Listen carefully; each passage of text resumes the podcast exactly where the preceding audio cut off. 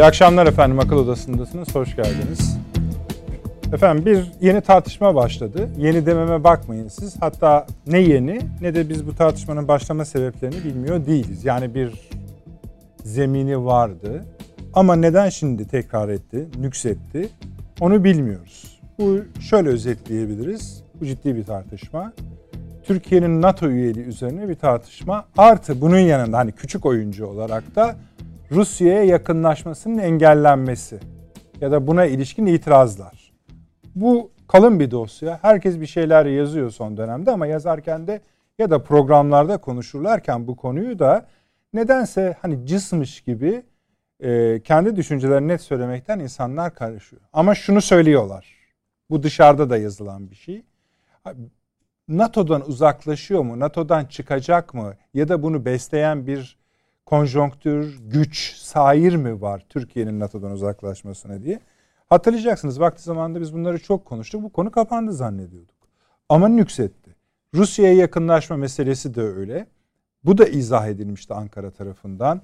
Bu konuda yazan, çizenler, konuşanlar tarafından. Ama şimdi bu da ciddi ciddi tartışılmaya başlandı. Birinci konumuz bu. İkinci konumuz efendim üç ayaklı bir şey. Bir şey hepsini birleştireceğiz inşallah. Öyle düşünüyoruz. Birincisi yani bu üçgenin birinci köşesi Etiyopya efendim. İkinci köşesi Sudan, üçüncü köşesi Bosna Hersek. Etiyopya ve Sudan baya baya İsrail kokuyor.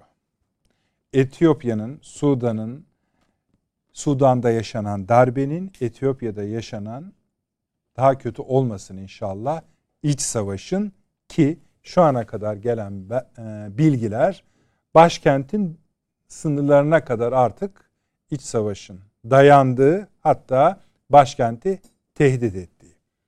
Bu bir coğrafyaya, bunu haritalarıyla da size paylaşacağız bu akşam, isabet ediyor. O isabet ettiği coğrafyada bizim etrafımızdaki kuşağın ana oyuncularına, temel oyuncularına geliyor. Onun için önemli. Aynı şey Sudan için geçerli. Bizim Sudan'da yaşanan darbe için ekstra bir şey söylememize gerek yok. Yurt dışında açık açık yazıyorlar ki bu darbenin arkasında iki ülke var.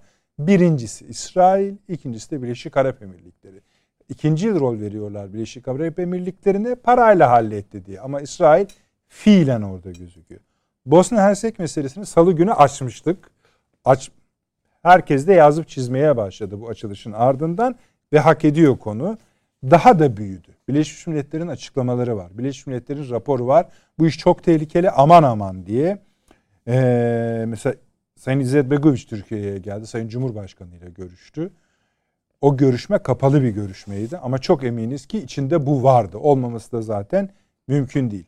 Bosna Hersek Sırp, Sırplar meselesi çok tehlikeli bir konu ve kontrol edilmesi gerekiyor. Hani Allah korusun değil. Bu üçlüyü tek bir başlık altında incelemeye gayret edeceğiz. Efendim hatırlayacaksınız Sayın Cumhurbaşkanı Roma dönüşünde hatta Roma dönüşü de değil Biden'la görüşmesinin ardından şöyle demişti. Kendisine artık söyledik. Suriye'deki durumu YPG PKK'ya verdiği desteği bilinmeyen bir şey değil. E, herhalde bundan sonra daha iyi olur demiş idi. Daha iyi olur mu bilmiyoruz ama son haber şu. Suriye'de e, terör örgütüne 50 Amerikan tırı daha gitti. Ve YPG ile Şam arasında, PKK ile Şam arasında mesajlar gidip geliyor. Şimdi bu Suriye konusunu farklı bir yere getiriyor. Roma konuşmasının görüşmesinin ardından Türkiye e, Amerika Birleşik Devletleri'ne yönelik e, en azından sert demeyeyim ama hani e, hmm, diyecek açıklamalarda yapmıyordu. Ne zamana kadar? İşte bugün Sayın Mevlüt Çavuşoğlu'nun bütçe görüşmelerinde konuşmasına kadar. Orada da açıkça tekrar söylendi. Amerika Birleşik Devletleri ile aramızda PKK, YPG, S-400, FETÖ var mealinde konuştu ve ona tam bir paragrafa oturttu. Anladık ki bu işin tekrarlanması Suriye konusunda Türkiye'ye yeniden bir vaziyet almasını gerektiriyor. Şimdi efendim bunun dışında e, bir konumuz daha var. Onu da hemen e, sizinle paylaşacağım ama bakın. Rusya Amerika Birleşik Devletleri Gizli Servisinin başkanları Moskova'da buluştular. böyle dünyanın bir yerinde birilerisi buluştuğu zaman bizim üzerimize alınma gibi bir durumumuz var ama bu öyle bir şeydir. Bu daha büyük bir şey. Yani CIA'nin başkanı Burns ile SBR'nin başkanı Narishkin buluştular ve daha bir dünya işi konuştular. Bu önemli. Beş göz diye bir şey var biliyorsunuz efendim. Bilmeyenlere de anlatacağız. Dokuz göz olacak. Onları ekleyerek ne demek onu konuşacağız. Ermenistan hep söylüyoruz az değiniyoruz ama Ermenistan'ın Türkiye'yi ve Azerbaycan'a yönelik sıcak mesajları somuta ermek üzere gibi gözüküyor. İlk defa diyeceğim herhalde. Belki Avni Bey hatırlıyordur. Arada başka bir şey var mı bilmiyorum. Emniyet Genel Müdür Yardımcılarını İstanbul'a gönderdiler. Uluslararası bir toplantı. Evet uluslararası bir toplantı ama bu bir şey demek. Nitekim Türkiye'de de e, imzaya e, Sayın Aliyev dedi ki Azerbaycan'da biz imzaya barışı imzalamaya Ermenistan'la hazırız. Eh bir ilerlemedir bu. Ee, hadi diğerlerini saymayalım. Önemli konular var. Sadece şunu belirtmek isterim. Ee, bu Hindistan'ın S-400 alacak olması ve Amerika Birleşik Devletleri'nin bu konuda ayrıcalık tanıyacak olması ayrıca bir kalem gerektiriyor. Yani Türkiye bunu yapıp kendi dertleri yüzünden Pasifik'teki parkları yüzünden böyle bir kıyak çekiyor olmasına da değiniriz inşallah. Şimdi Avni abi bunlarla başlayacağız ama bence sen girişi şuradan yaparsan hani en azından ben öyle rica edeyim senden evet. sevinirim. Bu yalan dolan işinin ben öyle diyorum da sen başka duyuyorsan öyle hissediyorsan öyle anlat. Sınırı geçtiğini de biliyorduk ama artık bu ayrı bir hani bu programın nezaketine bir şey gelmesin öyle yapalım. İzleyicilerimizi ayıp etmeyelim. Hani terbiye sınırlarını artık çok aşan mesela Sayın Cumhurbaşkanı'nın sağlığı bak bu kadar söylüyoruz daha, daha fazlasını söylüyorum. Sağlığı üzerine bir takım gelişmeler yaşandı. Daha küçüğü ve devlet bunlar için açıklama yapma ihtiyacı duyuyor. Ayrı sen bahset ne olur. Bak küçüğünü S-400'ler için yaptılar. Evet. Dediler ki İncirlik'te dediler. Gitti konuşlandırdılar onu dedi. Bir de devlet bunları düzeltmekle uğraşıyor. Yani Cumhurbaşkanı sözcüsü çıkıp dedi ki kardeşim hani saçmalıyorsunuz'a getirdi yani. Şimdi bu nedir? Ben burada temenni bile görüyorum ya niye konuşmayayım Tabii. ben? Heh, siz söyleyin. Şimdi e, dediğiniz son derece doğru. Yani Türkiye'de dün mesela bütün e, şeyler e, internet sosyal medya vesaire ortamı, sosyal medya Sayın Cumhurbaşkanımızın sağlığının had safhada kötüleştiği hatta daha vahim söyle biz yani çizgiye ulaştı. Efendim işte vefat etti filan. Tabii tabii. Filan gibi şeylerle doluydu.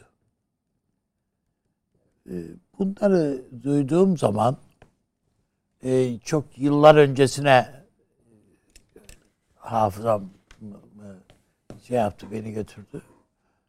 Rahmetli Bülent Ecevit hastalandığında, hastaneye kaldırıldığında bil maruf yani bildiğimiz bir takım gazetecilerin yazıları var. Siz de hatırlayacaksınız. Evet. Efendim aslında öldü de açıklanmıyor ayıp olmasın. Yani bir kargaşa, bir kaos olmasın hükümet, siyaset ortamında diye açıklanmıyor diye yazılar çıktıydı. Rahmetli Ecevit e, hasta yatağından kaldırılıp hastanedeki penceresinden gazetecilere el sallamak mecburiyetinde bırakıldı. Ve bu bu utanmazlık yani o o zaman nasıl yaşandıysa o zaman tabii böyle e, sosyal medya şeyleri yoktu efendim. Mesajları bombardıman yoktu ama işte bunlar da gazeteci yani. Nihayetinde Türkiye'nin muteber, itibarlı, öyle farz edilen hala bile. bir takım evet, hala bir kısmı e, kalem oynatan insanlar. Şimdi dün yaşananda da e, böyle e, Türkiye'nin bildik 2-3 televizyon kanalı yani e, ulusal ölçekte yayın yapan 3 tane televizyon kanalının akşam ana yani prime time'da hı hı. ana konusu buydu. Evet evet. Acaba ne oldu Ne yap nasıl oldu? Yürürken şöyle mi yürüyordu, böyle mi yürüyordu? Öyle yürüyorsa ne demek bu? Böyle yürüme, yürümüyorsa ne demek? Yani e, bu edepsizliğin haddi hududu yok. Yani e, bu, bir, devlette bu efendim çok şeydir, şeffaflık lazım. Ya mutlaka açıklanması gerekir filan diye.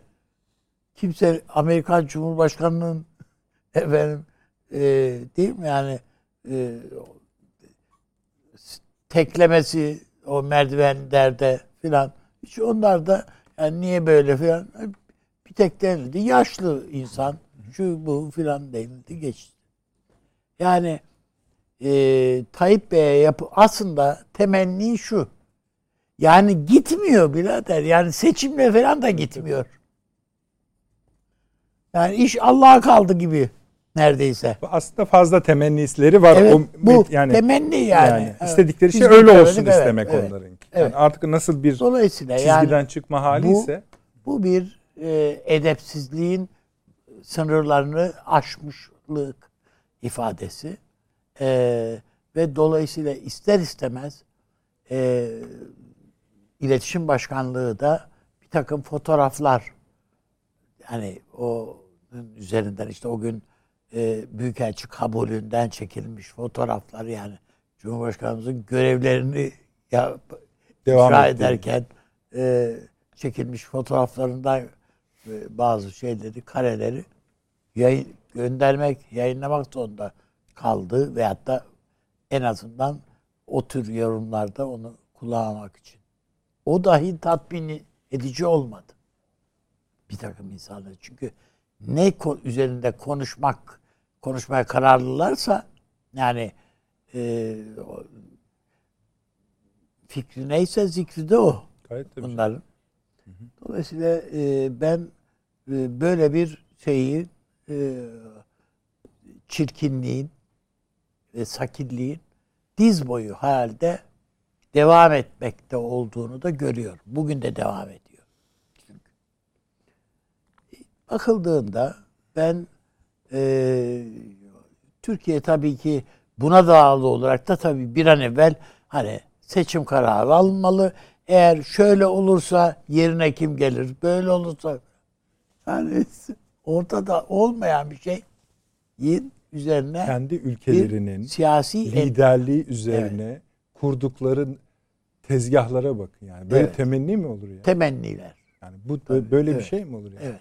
Ve bu bir memnuniyet ifadesiyle birlikte yani e, ve onun doğuracağı sonuçlar üzerine o temennilerin gerçekleşmesi halinde doğacak son şeyler ta- e, ka- şeyler Oradan da fırsat bulup, bulup yürüyeceklerini evet, evet, düşünüyorlar. Ya bu bu bunun böyle bir tarafı olabilir mi? Tam işte böyle tezkere çıkmış mı, çıkmadı mı filan filan filan. Harekat Ama olacak, olmayacak bilmem. Bununla bununla mesela şeyi örtmeye çaba çaba yani o gündemin dışına itildi bu e, kandili yerle bir edeceğim Tabii öyle açıklaması. Efendim breh breh diyelim ya. Değil mi yani kandili yerle bir edeceğim. Ya sen e, asker göndermeyi ye, redoyu vermişsin ama kandili yerle bir edeceğim. Nasıl edecekse böyle bir durum var. Bunun bunun nasıl bir çelişki olduğunu filan tartışmayın yani. Sen, daha önemli bir konu var. Tayyip Bey'in sağlığı. Onu konuşalım. Veya öbürü demiş ki efendim işte Sayın Öcalan'la filan filan. Onları konuşmayın ya bunlar ne? Ve daha küçük bir dalga ama böyle yapıyorlar. İşte bahsettiğimiz S-400'leri İncirli'ye Evet koydular. ve evet S-400'ler oraya gitti. Yani bu aslında Amerika'nın istediği oldu. Yani biz götürdük Amerika'ya teslim ettik bu S-400'leri filan. Hadi devlet diyor ki ya bu, Tabii bu canım. ne- e, nereden çıktı bu, bu açıklama aptalca şey? Bu açıklama yapalım mı yapmayalım mı muhakkak tartışılmıştır yani bu. Tabii. Yani Yapsalar Yani bir türlü çünkü yap. bu aptallık açıklama ya aptallık üzerine açıklama yapılır mı? Ama bazen Mecbur. devlet mecbur kalabiliyor işte. Bu, bunun için mecbur kaldılar ve bir açıklama yapmak zorunda kal hissettiler ki yapıldı. Onun için bu ve buna benzer şeyleri e, tabloları önümüzdeki dönemde Tabii tabii. Bunları siz yaşayacağız hatta girizgah sayıyorsunuz.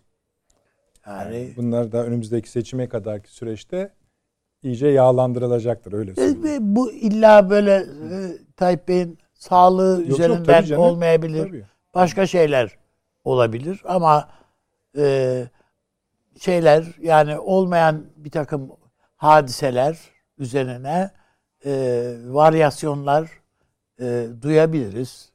O sosyal medyada alabildiğine bunlar Peki. yazılabilir. Peki şimdi bu cebi böyle kapatalım. Yine hem Süleyman Hocam hem Taşansı Hocam bunu eklemek isterlerse. Ben öyle- yani- üzerine. Ben hepimizin yani herkesin bu konuda müteyakkız olması gerektiğini e, düşünüyorum. Hiçbir e, yani açıklanacak bir şey zaten kimse hiçbir şeyi saklamıyor ki. Ha böyle bir Yani şey neyi saklanacak saklanabilir mi yani? Neyse. O zaman şimdi şöyle Evet. yapalım. Şu anda ben hoş geldiniz diyeyim Sayın Avni Özgür. Hoş Evet. geldiniz. İyi akşamlar. Profesör Doktor Süleyman Seyfi Öğün Hocam şeref verdiniz. Ankara'da Profesör Doktor Taşansı Türker hocamız var. Her perşembe olduğu gibi Taşansı Hocam iyi akşamlar. İyi akşamlar Nedret Bey. Saygılar, selamlar efendim herkese. Bizden de efendim selamlar, saygılar. Konuşacağız, görüşeceğiz. Ee, Süleyman Hocam, iki konudan birini seçerek başlayalım. Bu Etiyopya, Sudan, Bosna Hersek'ten mi yürümek istersiniz?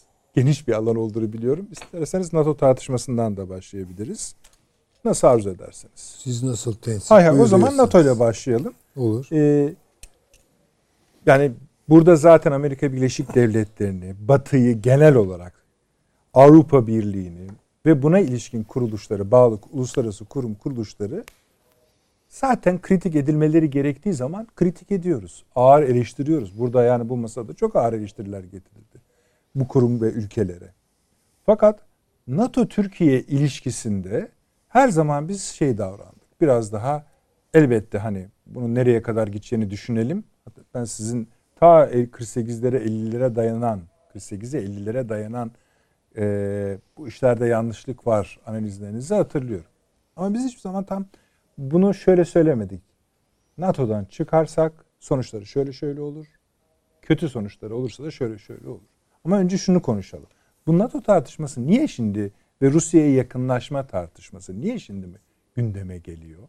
Yani öyle bir durum mu var? Halbuki geçen seferler yani iki sene önce eksen kayması şu bu tartışmalarını hatırlıyorsunuz. Onlar da sabaha kadar konuşulması gerekiyordu. Hakkıydı ama şu anda Evet. var mı? Böyle bir şey görüyor musunuz ya da görmüyorsanız bu ne? Ee, şöyle söyleyeyim. Ee, zihnin kendi kendine oynadığı tuzaklar, kendi kendine kurduğu tuzaklar vardır. Ee, bu tuzakların büyük bir kısmı birer basitlemedir. Bir şeyi basitlediğimiz zaman anladığımızı zannederiz. E tabi basitlersen anlamış olursun. Ama mesele o kadar basit mi? Bu soru açıkta kalır. Ben öğrencilerime de böyle söylerim doğrusu. Bir şeyi durduk yerde çok karmaşıklaştırmak da anlamlı bir şey değildir. Çok basitlemek de anlamlı bir şey değildir. Ama genellikle böyle kamuoyu, sade vatandaşlar falan ya bana basit anlat bu meseleyi. Yani Türkiye mesela NATO'da kalacak mı, Çıkacak mı? çıkacak mı? Trajedi de aslında basitlik üzerine kurulur. Olmak veya olmamak Olmamak. gibi. Ama tabii çok uçlarda olduğu için. E hayat her zaman bu kadar trajik değil. Olması da gerekmiyor. Ee, Türkiye-NATO ilişkileri sorunludur. Evet, herkes bunun farkında. Ama bunun kaçınılmaz sonucu Türkiye'nin NATO'dan çıkması mıdır? Veya Amerika açısından koyalım veya diğer NATO güçleri açısından koyalım. Türkiye'yi sevmeyen kabaca. Onlar için çözüm Türkiye'nin NATO'dan çıkarılması mıdır? O da değil. zaten insan hayatları belli gerilimler içerisinde başlıyor, gelişiyor ve o gerilimler yaşanırken dünyadan terki dünyadan uzaklaşıyoruz. Terki dünya ediyoruz yani. Hep uçların arasındaki ara durumlar var. Ve derin düşünüş o ara durumların farkına varmakla alakalıdır. Ve orada en optimal olanı ortaya çıkarmakla alakalıdır. Şimdi tezlerden en keskini işte Türkiye NATO'da kalmalıdır, bütün yükümlülükleri yerine getirmelidir diyenler de var. Tabi zannediyorlar ki yani bu işler öyle başladı öyle gitmesi gerekiyor. Neyse onlar için konuşmuyoruz. Türkiye derhal NATO'dan çıkmalı. Peki çıkınca neler olur? Bunu hesaplayarak mı söyleniyor bu laf? Yok yani orada böyle bir mistifikasyon var. Yani işte tam bağımsız Türkiye böyle olur. Dünyanın hiçbir yerinde hiçbir güç en irisi dahil tam bağımsız olamaz. Tarihsel olarak imkansızdır. Bu bir mistifikasyondur. Bütün bir beşeri ilişkiler tarihi karşılıklı bağımlılıklar ilişkileri tarihidir. Ha burada kim daha fazla inisiyatif ortaya koyabiliyor? Kim daha fazla kendi yararını, çıkarını diğerinin üzerinde baskın kılabiliyor? Bunlar konuşulabilir. Yani Amerika Birleşik Devletleri tam bağımsız bir siyaset mi izliyor? Mümkün değil bu. Rusya'yı hesap etmek zorunda, Avrupa'yı hesap etmek yani zorunda. Tam bağımsız olsa Çin'e Rusya bulaşmaz e, zaten. Tabii ben, ki yani tam bağımsızlık biraz tarihin dışına çıkmak gibi bir şeydir yani. Ve her mistifikasyon biraz bizi olmadık yerlere götürür. E şimdi bu da böyle. Yani tam bağımsız Türkiye böyle olur. Hayır. Tam bağımsız zaten olamaz. Bir kere bunu unutalım. Ama bağımlılık ilişkilerimizi, karşılıklı bağımlılık ilişkilerimizi orantısız olmaktan çıkartıp daha orantılı hale getirebilir miyiz gibi tartışılıyorsa tartışılır. Ee, bu, bu işin bu boyutu var. Bir de şöyle diyelim. Hadi yani çıktı Türkiye. Sonra ne olur mesela? Türkiye NATO'dan çıkmalıdır diyenler, derhal çıkmalıdır diyenler hatta. Sonra neler olabileceğini hesaplıyor mu? Hayır. Bence çok hesaplamıyorlar. Çünkü böyle bir keskin iddia ancak hesapsızlık üzerine zaten kurulur. Olacak ihtimallerden bir tanesini ben hemen söyleyiverim. Bir kere hiçbir rahatsızlık doğurmaz ya da doğursa bile o rahatsızlıklar onlar hesaplamışlardır. Ve bundan birinci derecede istifade edecek olan İsrail olacaktır. Bakın bugün İsrail NATO'ya giremiyorsa ki bence girmeyi çok ister. Giremiyorsa Türkiye'nin vetosu yüzünden. E şimdi böyle bir avantajı ben niye elimden kaçırayım ki?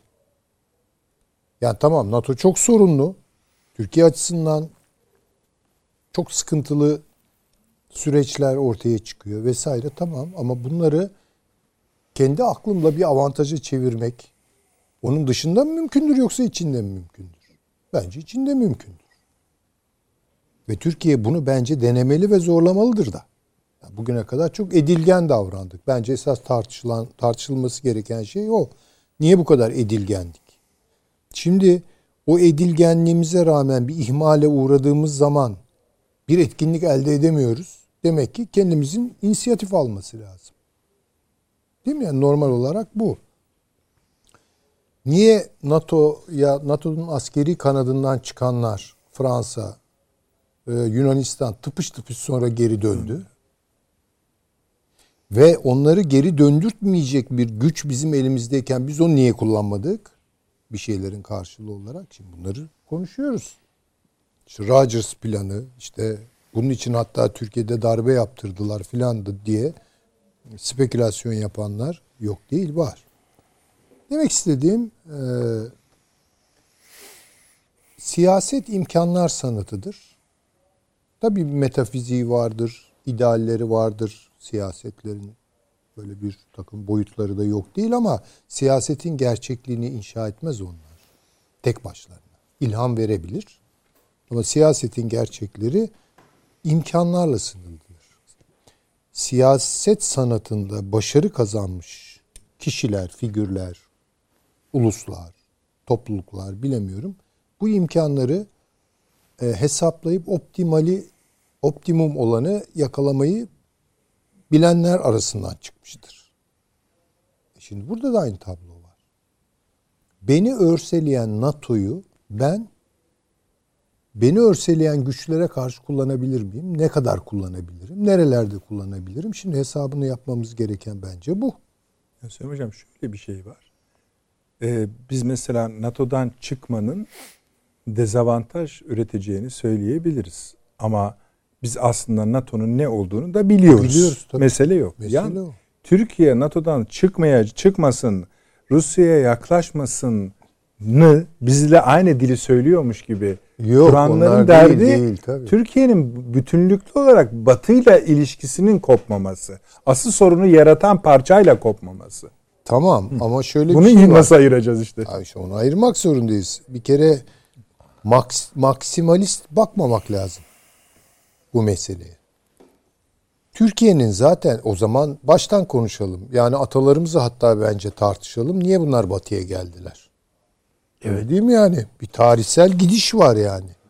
İşte önce İran, sonra işte Mezopotamya, derken Anadolu, derken Balkanlar yani o tarafa doğru gidiyoruz. Ve yani bu bölgedeki bu e, civardaki bütün güçlerin kendine göre bir batılı batı macerası var. Rusların var. İranlıların ta antikiteden beri var. E bizim de var. Araplar da ta Endülüs'e gitmişler yani. Bir batıya bir gidişi var. Ha bunu konuşabiliriz, Zaten tartışabiliriz. kavimler göçü dediğimiz hadise bu. E, elbette tabii Esas yani bir, bir bir batıya doğru bir hareketleniş var demografik olarak. Derken politik, siyasal, kurumsallaşmalar düzeyinde, yerleşmeler düzeyinde, etkileşimler düzeyinde. Bence bütün mesele bu tarihsel serencamımızda biz ne kadar inisiyatif alabiliyoruz? Bunu arttırmanın hesapları. Bu saatten sonra doğuya gidecek halimiz yok. Zaten biz söylesek bunu eminim törenlerle uğurlanırız. Bakın bugün bizi ye- yerin dibine sokan güçler, Türkler diyelim ki karar verdi. Biz e, ana yurdumuza döneceğiz. Yani oralarda yaşayacağız. Ya 70 Ana yurtta milyon. da bizi bekleyen yok yani. Orada da bekleyen yok. Yani tutun ki böyle bir macera. Vallahi bizi bandoyla mızıkayla uğurlarlar zaten. İstedikleri o değil mi? Batıya rağmen batıcılık değil benim söylediğim. Anladım. Ya da batıllaşma meselelerinin özel olarak tartışılmasıyla ilgili bir şey değil. Zaten tarihsel vektörümüz bu bizim yani. Onun için de biz ne şekilde daha fazla bölgesinde küresel olamaz bu zaten şimdilik en azından. Ama bölgesinde daha fazla inisiyatif alarak var olabilecek. Bence tartışmaların burada odaklanması lazım. Yoksa şimdi oturup doğullaşmak, batılılaş bunları mı tartışalım? Veya işte Rusya'ya yakınlaşmak mı, Amerika'ya bilmem ne yapmak mı bunları mı yakın e, tartışalım? Bunların böyle maksimalist e, tezlerle yani çok aşırı gaz verilmiş tezlerle filan tartışılmasından Türkiye bugüne kadar zaten hiçbir şey elde edemedi. En keskin batıcılarımız ve en keskin doğucularımızın söyledikleri hiçbir işe yaramadı. Hiçbir işe yaramadı. Yapmamız gereken çok basit. Türkiye, Türkler bir e, bir e, siyasal coğrafyaya oturdu. Oturmuş durumdayız. Ya oraya bir de mührümüzü vurduk yani. Sökmek isteseler de sökemeyecekler. Ne yapacaklar yani İstanbul'da bu yedi tane tepeye kondurduğumuz ceddimizin kondurduğu camileri yani kilise mi yapacaklar? Yakışmaz ki. Herkes her şeyiyle camiyim ben diyor zaten. Mesela yani imkansız. Biz buraya mührümüzü bastık. Bin senelik bir şeyi, tarihi hatta daha fazla söküp atmak kimsenin harcı değil.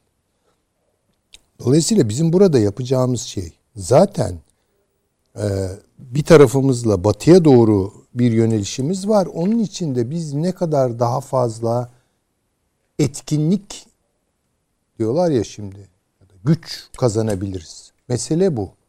Bunu kimliklerle falan da ölçmüyorum. Bunun ölçüsü akıldır. Başka bir şey değildir. Ve başarılardır. Başka bir şey değildir.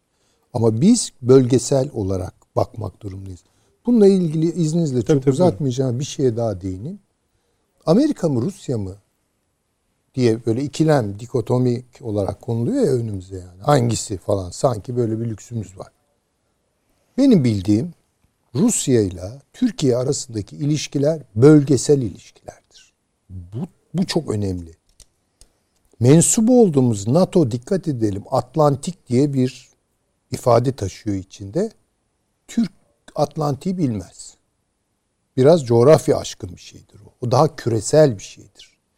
Dolayısıyla Amerika ile kuracağımız ilişkiler bundan sonrası itibariyle veya nasıl kuracağımızı tartışmadan söylüyorum. Sürdüreceğimiz olan o ilişkiler Avrupa Birliği ile aynı şekilde. Ne ne ne kadarıyla küreseldir, ne kadarıyla bölgeseldir. Çünkü küresel siyasetlerin çok başka yerlere savrulma riski var. Çünkü küresel dediğiniz zaman herhangi bir coğrafyaya işaret etmiyorsunuz. Ama bölgesel deyince e vallahi biz Hani'dir buradayız ve Ruslar Hani'dir orada. İranlılar da Hani'dir burada. Araplar da Hani'dir burada. Balkanlılar da Hani'dir burada. Yani bu havalide, bu havzada öyle söyleyeyim. Bölgesel olanın nihayetinde çok kalıcı olduğuna dikkat. Ama küreseli de tabii ihmal etmeden küresel bir takım şeyler de yansıyor bölgesel olana. Daha değerli toplu siyasetler gütmek gerekiyor. Benim şahsi. Tabii yani siz daha hani dört başı mamur anlattınız. Estağfurullah. Fakat onların derdinin ben o kadar yok yok tabii yani tabii, tabii. Onlar aman hani Onlar- işte dediğimiz gibi. Yani siz- maksimalist tezlerden uzak durmak akıl sağlığı için elzemdir. Hani nasıl üşütmemek için iyi giyinmek ve soğuklarda çok kalmamak. akıl gibi. sağlığı içinde diyorsunuz. E, öyledir tabii. Diyorsunuz. Peki. Hani Bey siz ne diyorsunuz? Ee, yani hocamın söyledikleri Ha, şey- ne yüzde yüz yani tamamen katılıyorum elbette. Şu zaten bizde e, arkasında ne olduğunu bilmediğimiz kapıları açıyoruz veya kapılara yükleniyoruz. Dur bakalım ne var diye yani. Kötü bir şeyse ne edeceğiz? Pardon deyip oturacağız yani yapacak bir şey yok orada filan. Ee, bu kapılar esasında hep geçmişte denendi. Yani diyelim ki Türkiye Rusya ile bir dostluğu, ittifakı deneyen yani acaba olur mu diye değil mi yani Osmanlı İmparatorluğu'nun son yüzyılında bunların hepsi denendi. Denenmeyeni yok neredeyse yani hepsiyle. Geçen programda hocam örneklerini verdi. İşte Ali Paşa'dan, Fuat Paşa'dan, o Nedim Paşa'dan yani hepsinden Nedim Paşa sabahları Rus elçiliğine uğrar. Ondan sonra sadalete gidermiş. Onun için adama Nedimov diyorlar yani. Yani ne yapalım diye önce e, o Ignatiev mi e, değil mi büyükelçileri e, Rusların yani o söylüyor neredeyse devleti nasıl ne yapması gerek. Bunların hepsi denendi. Hiçbirisi Osmanlı'yı A noktasında B noktasına taşıyamadı. Böyle bir şey olmadı yani. Cumhuriyetin e, ortaya koyduğu model doğru bir model esasında. Yani biz e, böyle ipini koparmış bir devlet anlamında değiliz. Elbette Balkan İttifakı'nı yaptık. NATO falan yok o zaman. Efendim e, Bağdat. Bağdat Paktı'nı ya- yaptık. Onun ötesinde de geçmişte Sada, Sadabat Park Paktı var, şu var, bu var yani. Bunların hepsi var. Ve e, NATO ortaya çıktığı vakitte başımız beladaydı. Bu, bu buraya sokalım, kendi paçamızı kurtarırız zannıyla girdik. Ama biz girmekle kalmadık, paçayı kaptırdık. Yani işin doğrusu. Yani o kadar kendimizi perişan e, olduğumuza inandırdık ki içeride. Yani bu bir hani can kurtaran simidi gibi NATO'ya bir sarılma var. Geçen programda e, salı günü söyledim yani hatırlarsanız. E, Genelkurmay'ın e, Genelkurmay karargahının içinde Amerika Birleşik Devletleri'ne yer açıldı. Çok Güzel örneği var. var bunun. Bu NATO NATO'ya değil yani. Anladım, Amerika'ya anladım. Yer açıldı. Tarım Bakanlığı'nda da yaptılar. Diğer kültür yani bir sürü yerde. Sanayi Yani- Bakanlığı'nda yaptılar. Hep Yani yaptılar. gibi böyle şeyler var ve e, hepsinde yani bütün bu mevcut Türkiye'de yaşadığımız darbeler 27 Mayıs'ı dahil 12 Mart 12 Mart'ı dahil 12 Eylül'ü keza hepsi ve keza işte en son 15 Temmuz dahil tamamı Amerika'nın bilgisi dahilinde tamamı NATO'nun kontrolü veya da bilgisi doğrudan dolaylı bilgisi dahilinde. Hepsi. Bunların irtibat elemanlarının isimleri de şu günlerde açıklanıyor. Yani işin ilginci bu FETÖ'nün irtibat elemanlarının e, pe- personellerinin e, isimleri de açıklanıyor. Bakıldığı vakit yani e, bu hayır haf bir şey değil. Ama bu Amerika'dan kaynaklanıyor. Evet Amerika'dan kaynaklanıyor. İşte bu çe- çekiç güçtü, şuydu buydu, PKK'ydı. Bütün bunların hepsini yaşadık gördük yani. Elbette burada Amerika var. E kardeşim burada hiç mi yokuz yani biz? Hiç mi irademiz yok? Yani bunların altına, bu anlaşmaların altına imzayı basan bizim insanlarımız değil mi? Bizim askerimiz değil mi? Bizim hariciyemiz değil mi? O ikili anlaşmaların şunların bunların altına imza atan. Ha biz demek ki az önce Süleyman Hocam dedi ki yani bu bir e, kendi çıkarlarını hakim kılabilme anlaşması bunlar. Bu paktlar. Sen kendi çıkarlarını ne oranda savunabiliyorsun veya e, karşındakine dayatabiliyorsun veya dengeleyebiliyorsun. Bu o mücadele böyle bir mücadeledir. Şimdi bugün problemin temelinde şu yatıyor. Eğer biz bu sihaları üretmeseydik, biz bu denizaltıları, şunları bunları üretmeseydik, yani savunma sanayinde beklenenin fevkinde, yani sadece öyle çatapat şey, eski Kırıkkale şeyinin şimdi Kırıkkale'de muhteşem bir Kırıkkale oldu ayrı mesele. Ama o düzeyde bıraksaydık biz bu işleri hiç başımıza bir şey gelmezdi kardeşim. El elde baş başta devam ederdik yani. Amerika'da bizi okşar dururdu. Yani ama şimdi öyle değil. Şimdi Am- Amerika'ya pazarda rakipsin yani ya. Bütün dünya diyor ki ya bunlardan şundan biz de satın alalım filan. Satılıyor da yani yaptığın o ileri teknoloji ürünleri. Talip var. E sen 3-5 sene sonra e, belli artık açıklanmış projeler var. 3-5 sene sonra e, yani Amerika'nın en gelişmiş uçaklarını da ona benzer, onun muadilinde imal edeceğini açıklamışsın. İşte elektrikli otomobil önümüzdeki sene inşallah yani piyasada olacak. Bunun husumet çekmemesi, bun, bunun senin içini oymak kararıyla yola çıkmış bir şeyi muarızlar topluluğunu hışmını çekmemesi mümkün mü ya? Adam ke, işte biz mesela biz bizi de oyalıyor yani işte Yunanistan'ı salıyor üstümüze.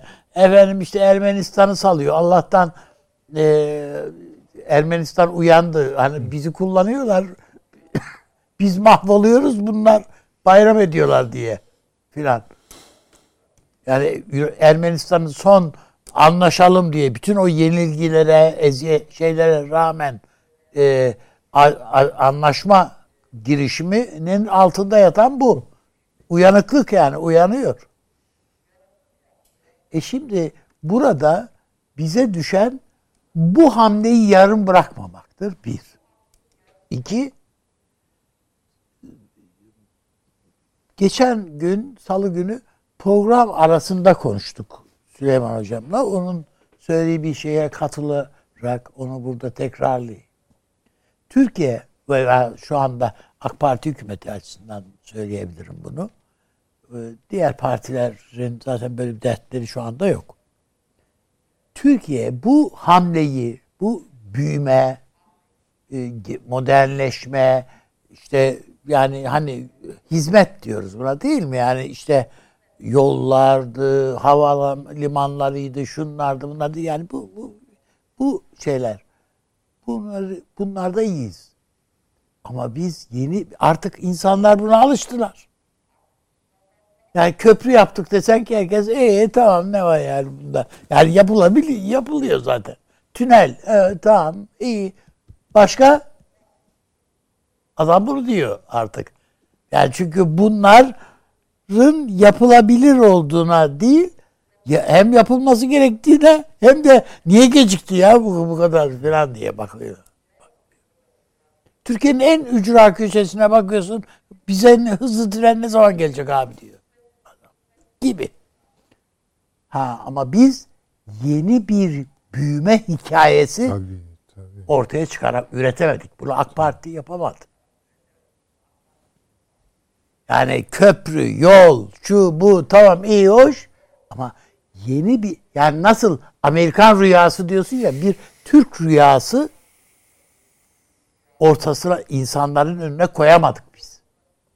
Cazibeli bir Cazip, yeni evet. yaşayış Evet. tarzı. Bu öyle bir rüya olmalı ki içinde Kürt de kendini bulmalı, içinde bilmem göçmen de kendini bulmalı, içinde Alevi de kendini bulmalı, içinde işte şu da bu da kendini bulmalı. Ben bu bunun içinde olmalıyım diye.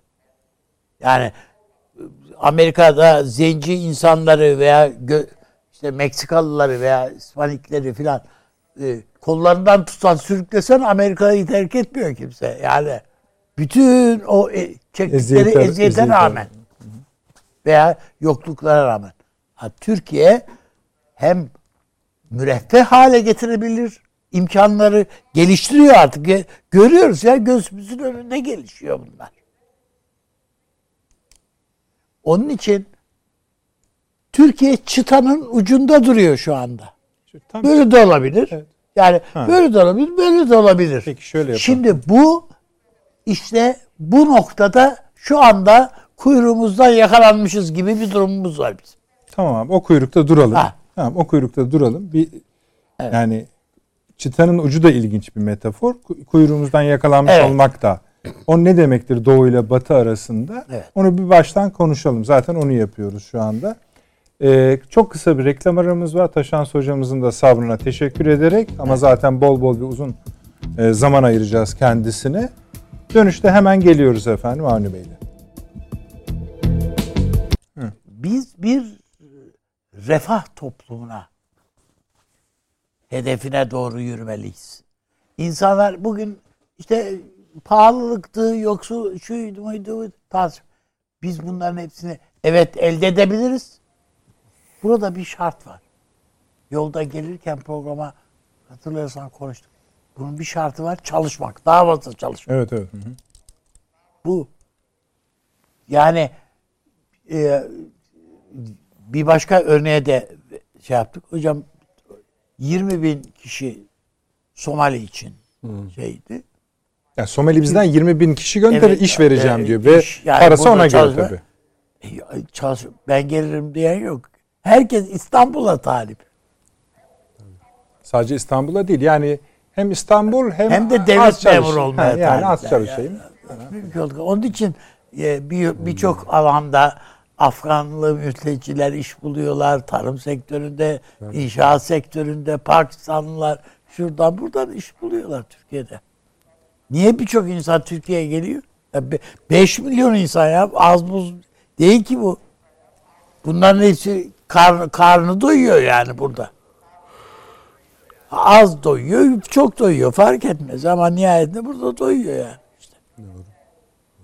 Onun için bizim bu e, Türk rüyasını inşa etmemiz e, mutlaka gerekir. Ama onunla ilgili çok doğru Evet. e, üstadımın dediği izninizle bir şey söyleyeyim. O galiba biraz müphem kaldı. Ee, altyapı konusunda gösterdiğimiz başarılar tabii ki çok önemli, çok göz alıcı. Daha fazlasını da inşallah yaparız. Bu Alaturka pozitivizm işte. Bunu yeterli görüyoruz. Halbuki ya bunun bir üst tarafı var. Üstünde nasıl yaşayacağız? Bir tür modus e, modus vivendi derler Batılar. Bir tarzı hayat teklifimizin olması lazım. Bakın biz böyle yaşıyoruz. Ve bunun içinde de insanlar mutlu oluyor. Dedirtecek bir şey lazım. Yani bu işin bir hakikaten çok ciddi bir kültürel yatırımı Tabii, olmak durumunda. Esası bu. Türkiye'deki siyasi kadrolar ben herhangi bir ayrım yapmıyorum. Buna açık değil. Ee, bir poz ne diyelim altyapı başarısını eğer bir üst yapı biraz Marksist terimler kullanıyorum ama üst yapı dönüşümüyle tamamlayamıyorsak orayı birileri doldurur. Ve elini taşın altına koymayanlardır onlar. O altyapı çalışmalarında. Gelir üstüne konar. Ve orada da kesin bir şekilde gördüğümüz küresel ezberler üzerine, kodlar üzerine yaşanmış bir hayattır. Teklifimizin bizim burada olması lazım. Yani aslında şudur. Şuraya gitmeyin, burada kalın diyenler. O ülkeyle konuşmayın, şu ülkeyle konuşun. Buradan ayrılmayın, yerinizde kalın. Eskisi gibi söz dinleyin diyenler. Türkiye'de bunu diyenler aslında hayat tarzınızın siz doldurmadığınız için burada söz sahibi söz olan- sahibi olur. olanlar Sanatlarda maalesef. onlar söz sahibi olur. Kültür endüstrilerinde söz sahibi olur. Yaşama tarzlarını e, dayatırlar. Hepsi olur. Ya bütün sen bunların. sinemanı doğru düz yapamazsan Hollywood dolduruyor orayı zaten. Onu, onu diyorum. bu- Ve bunlar- kuracağımız bu yeni pattern eğer becerebilirsek, yeni örüntü, yaşama tarzı bu tarihsel havzaya uygun olmak zorunda. Orada küresellikten ancak belli açılardan takviye alabiliriz veya almayabiliriz de hiç. Bunu yapmıyoruz. Evet, Taşansı Hocam hangisinden başlayacağınızı ben de merak ediyorum doğrusu. Herhangi bir cümlenin açılımından Ya bile ben, bütüne... e, Buyurunuz, buyurunuz. Çok çok net dinleyemedim kusura bakmayın Nedret Seste Bey yani var? bir şey ses sorunundan dolayı ama e, NATO e, Tabii, tabii. çıkma tartışmasını başta bir şey yaptım. E, ya bu bizim memlekette şimdi bakın yani ben bir e, ne kadar oldu herhalde 3 yıldan beri katılıyorum sizin programınıza. Olabildiğince hani e, e, bir kere sinirlendiğimi hatırlıyorum. E, o da e, Joe Biden'ın Amerikan Devlet Başkanı'nın 24 Nisan'da Ermeni soykırımı Evet. dediği gündü. Yani onun dışında e, yani e, pek olabildiğince iç siyasete girmeden e, tarafsızlık pozisyonumu korumaya çalışırım. Lakin bazı şeyleri söylemek zorundayım. Yani şimdi bakın bu tarz konular bunlar ciddi konulardır her şeyden evvel. Yani NATO'dan çıkmak, NATO'da kalmak vesaire e, bir ciddiyet gerektirir. Ciddiyet dediğiniz şey de suratınıza asıp oturmak demek değildir. Ciddiyet dediğiniz şey öyle e, gökten zembille de inmez. E, belli bir bilgi birikimi gerektirir. Belli bir tecrübe gerektirir. Belli bir bakış açısı gerektirir. Bu tarz şeyler mesela medeni ülkelerde e, bizde de vardı. E, çok da faydalı bulurum ben her zaman Türk anayasa tarihinde. Mesela senatoda konuşulan şeylerdir. Hani ülkenin e, bir şekilde bilgeliğiyle, ondan sonra iç siyasal sosyal dinamikleriyle, temasıyla tevarüs etmiş bazı insanların konuşacağı konulardır. Ancak ha ben izlemedim söylediğiniz programları. Hani NATO'dan çıkılır mı kalınır mı hiçbir fikrim yok. Ne konuşuldu ne edildi ama e, emin olun hani bunlar böyle e, harca alem mevzular değil. Bir ülkenin yönelimi, ana hatları, dış politika tercihleri vesaire e, olabildiğince e, nazik olunması gereken, olabildiğince e, diplomasinin dili muğlak bulunur genelde. Halbuki o e, tek yoldur. Yani akların ve karaların olmadığı bir alanda zerafetle konuşulması gereken konulardır. Şimdi bizde böyle bir şey başladı. Yani bir inanılmaz bir partizanlık bir defa herkeste. Ee, ve e, gerçekten hani bunu söylemek zorundayım. Ağzı olan konuşuyor cümlesi doğrudur bu noktada. Ya bakın bu yani gerçekten bir karşılığı yok bu işin. Ee, dolayısıyla hani bu konuları konuşurken e, gerçekten hani e, bir de şeye dikkat etmek lazım. Türkiye ona açık bir hale geldi galiba. False flag operation denir ya. Evet. Ee, Birileri Sahte sizin için çok operasyonu. doğru bir şey e, söylediğini iddia eder. Sahte bayrak operasyonu. Halbuki sizi çok zor bir duruma düşürecek bir şey yapıyordur. Sizin duygularınızla oynanır, manipüle edilebilir. Şimdi bu alan yani ulusal güvenlik, dış politika, strateji alanları duygusal alanlar değildir her şeyden evvel. Yani o e, manipüle edilebilecek duygularla bakılacak alanlar değildir. Akıl işidir. Akıl.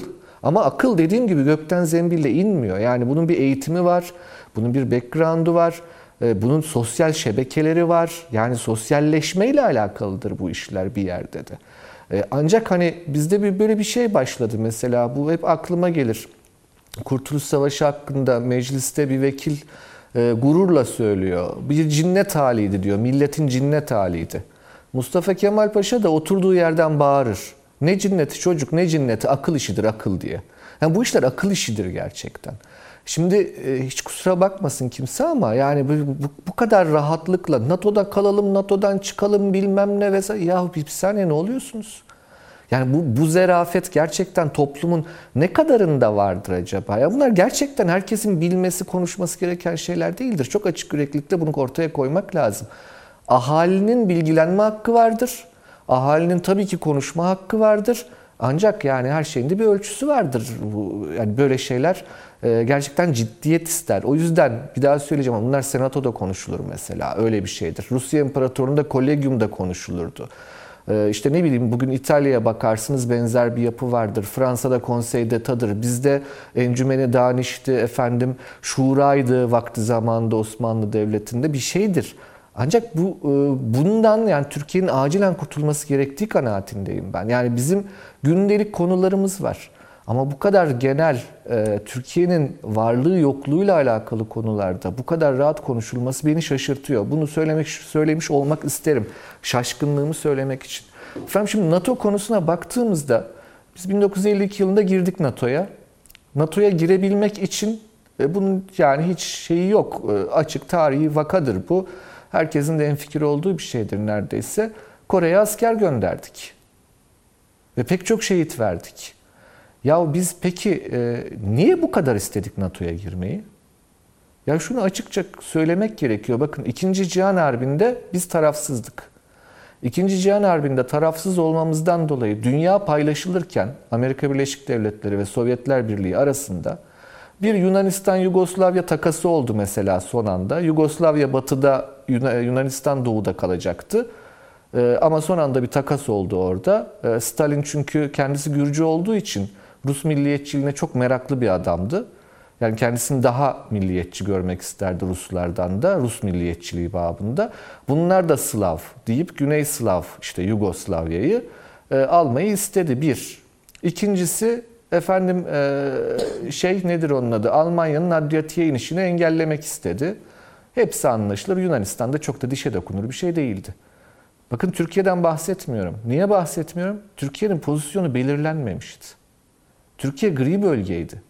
Ve e, o adam yani Stalin o kadar çılgınca şeyler yaptı ki şimdi bugün hala tartışılıyor. Vay efendim Sovyet tehdidi yokmuş Türkiye'ye karşı. Nasıl yokmuş kardeşim? Yani açık arşivler ortada, gazeteler canım, ortada, barbar, görüşmeler evet. ortada. Açık açık bu adam bu adam açıkça İstanbul'u istiyor. Tabii Yani bu adamın yani da öyle. çünkü ah, istemesi de o kadar mantıklı, makul ki kendi koşulları içerisinde.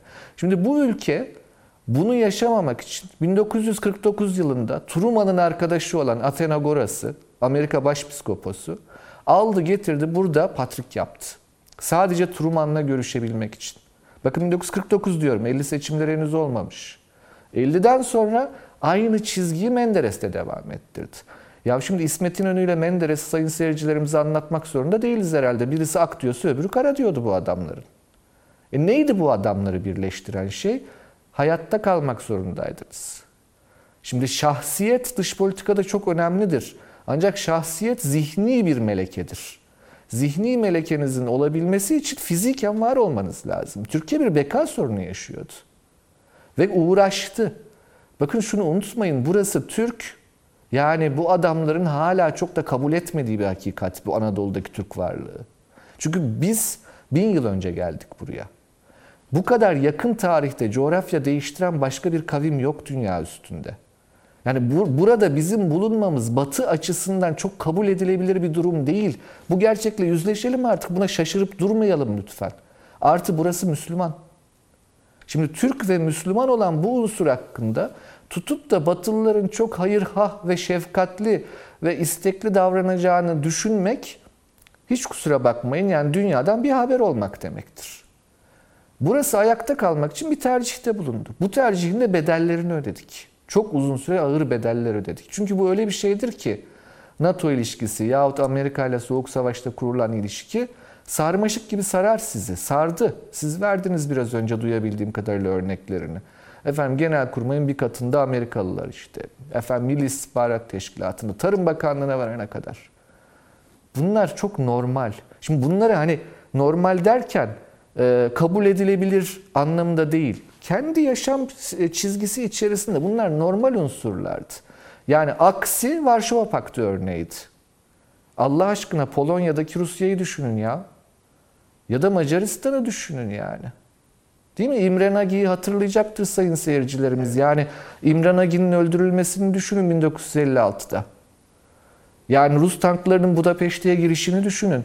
Şimdi o dünyanın gerçeği buydu. Şimdi bugün sanki o dünyanın gerçekleri hiç yokmuş gibi oturup bugünden geçmişe, bugünün gözleriyle baktığınız zaman doğru hiçbir şey algılayamazsınız. Bundan bir defa kurtulmak gerekiyor artık. Bugün başka bir dünya var. Ne zamandan beri? 90'dan beri. Soğuk savaş bitti. Sovyetler çöktü. Doğu bloğu dağıldı. Biz şimdi sayın seyirciler hatırlayacaktır yaşı yetenler. 90'lı yıllar boyunca Türk dış politikasının temel sorusu şuydu. Yahu bizim bir güney kanat ülkesi olarak değerimiz kalmadı. Bu bizim başımıza bela açar mı? İran tehdidiyle nasıl uğraşırız? Yunan tehdidiyle nasıl uğraşırız? Kardak krizini vesaire bu çerçevede okuyun lütfen. Yani o 90'ların belirsizlik dönemi içinde yaşanan şeylerdi. İki buçuk savaş kavramını hatırlayın. Yunanistan, İran artı PKK savaşı. Değil mi? 90'lı yıllar bu Aynen tartışmalarla öyle. Doğru. Geçti. 2000'li yıllar Batı'yla bir balayı vesaire, e, Batı'ya verilen vaatler, dünyada esen liberal rüzgarlar ve dünyada ulus devlet kavramının şahsiyetini yitirmesinin e, önemli olduğuna inanılan bir saçma sapan dönemdi. Türkiye'de de yaşadık onları 90'lı yıllardan başlayarak. Bu ikinci cumhuriyet tartışmaları, şunlar bunlar yani birkaç kuşak heba Şey- oldu söyleyeyim. Taşan- size. Şansı hocam. Hocam hatırlarsanız Buyurun buyurun Ve- buyurun Bey Üstad. Estağfurullah. Hatırlarsanız Avru- e, Avrupa Birliği ilişkilerimiz sıra şeyinde çerçevesinde Gümrük Birliği anlaşmasını imzaladığımızda Fener Havayları düzenledi Tabii. Türkiye'de. Yani sanki Tabii, Avrupa Birliği'ne aynen öyle. girdiğimizi zannettik filan. Buyurun hocam. Tabii tabii kesinlikle öyle. Yani bu 90'lar 2000'ler böyle. Efendim sonra ne oldu? Bu sefer ters bir rüzgar esti dünyada. Şimdi bu ters rüzgarın içerisinde şu oluştu çok basit bir şey. Neoliberalizmin beceriksizlikleri, geniş kitlelerin bir şekilde küreselleşmenin nimetlerinden faydalanamadıkları, dolayısıyla tepkilerini yükselttikleri, ulusal sermaye gruplarının uluslararası sermaye gruplarıyla rekabetleri vesaire falan filan derken bir açık bir, bir şey açığa çıktı. Ya kardeşim milliyetçilik dediğiniz şey öyle kolay kolay ölmez. Yani o büyük hayalleriniz vardı ya 90'lı yıllarda. Efendim millet kötüdür, milliyetçilik kötüdür. Benedict Anderson diye bir adamın saçma sapan bir kitabı Hayali Cemaatler diye bir kitap üstünden bütün bir Türkiye Akademiyası değil sadece Dünya Akademiyası millet kavramını yerin dibine batırdı. Yok efendim milletler arkaiktir. falan. Neymiş peki yenilik yeni olan şey neymiş? Uluslararası insanlık. Böyle saçma sapan söyler. Ben dünya vatandaşıyım falan. Git Eyvallah. anlat onu bakayım. Pasaport kontrolünde anlatırsın Berlin'de. Yani bu- bunlar bunlar gerçekten absürt şeyler yaşandı. Ha şimdi geldiğimiz noktada başka bir absürdite yaşanıyor.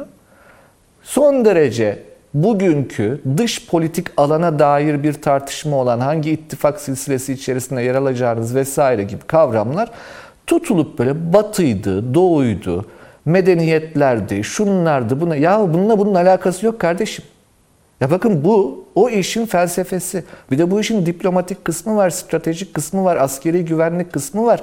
Bakın bunlar zerafet gerektirir, nezaket gerektirir. Bunlar hassas konulardır. Hassaslığı şundan karmaşıktır çünkü. Efendim bakın hakikat dediğimiz mefhum bizim için önemli. Biz Türkçe'de hala doktora talebelerimize bile gerçeklik ve hakikatin farklı kavramlar olduğunu anlatamıyoruz. Hakikat başka bir şeydir. Gerçeklik başka bir şeydir.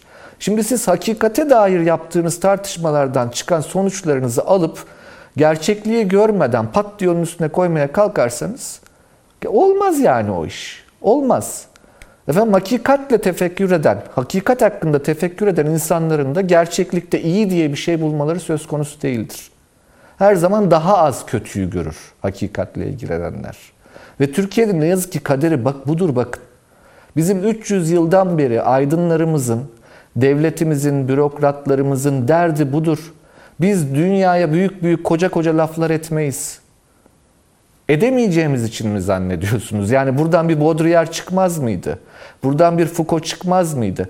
Gerçekten çıkardı söyleyeyim size. Hem de çok çok çok daha derini çıkardı. Çünkü bir ayağı batıda, bir ayağı doğuda olan bu kadar geniş bir zihinsel kapasitesi bulunan çok az ülke vardır. Dolayısıyla çıkardı. Niye çıkmadı peki? E niyetimiz var bizim yani. Niyetimiz başka. Zaruretler var. Nedir o zaruretler? Bunu açık açık söylemek lazım. Bu toprakta tutunma zarureti. Türkler bu toprakta tutunmaya çalışıyorlar.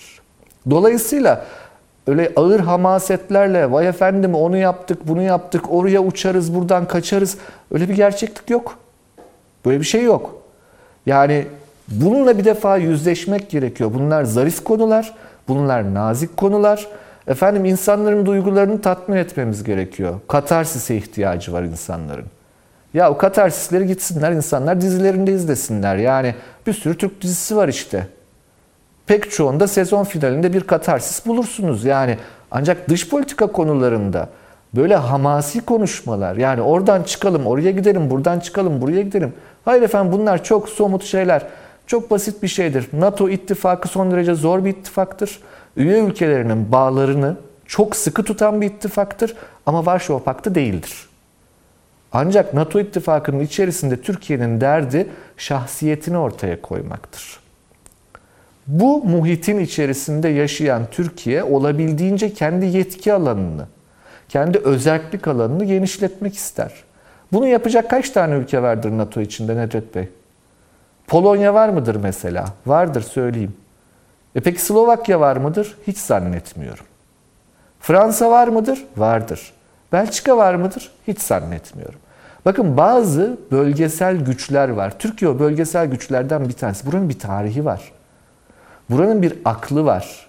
Buranın bir kültürü var. Öyle ya da böyle.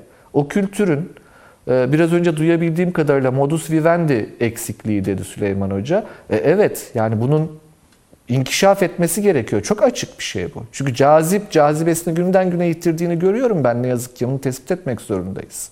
Bırakın daha cazip hale gelmesini, cazibesini yitiriyor. E burada bir tane sorun var. Yani bu aşırı siyasallaşma birincisi. Yani e, ikincisi de e, çok açık bir şekilde bazı alanlarda ciddi sorunlar var. Ciddi ciddi sorunlar var. Mesela liyakat alanında ciddi bir sorun olduğunu hepimiz görüyoruz Türkiye'de. Ekonomi alanında ciddi bir şey olduğunu hepimiz görüyoruz Türkiye'de. Şimdi bütün bunları aşıp bir şekilde Türkiye'nin kafasını kaldırıp dünya ile barışık ancak dünya ile barışık demek teslim olmuş demek değil. Bakın nezaket dediğim tam da budur. Bir cazip kimlik olarak kendisini ortaya koyması gerekiyor. Şimdi biraz sonra e, diğer konu başlığı olarak açılışta siz söylediniz bu Etiyopya mevzusu falan. Şimdi mesela SİHA sattık biz Etiyopya'ya. Biraz önce Amerikan Meclisi'nde, Senato'da, Senato'da diyorum, Kongrede e, Amerikan bütçesi hakkındaki kanun teklifine ek istediler. Bu SİHA'ların satışı hangi kontrolden geçerek yapılıyor diye. Valla ben size söyleyeyim mesela benim bildiğim Türkiye'de yok böyle bir mekanizma. E, ama güç yanında sorumluluk getirir biliyorsunuz. Siz SİHA üretmeyi biliyorsanız SİHA'yı nereye nasıl satacağınıza dair de mekanizma, bürokratik mekanizmalar oluşturmak durumundasınız.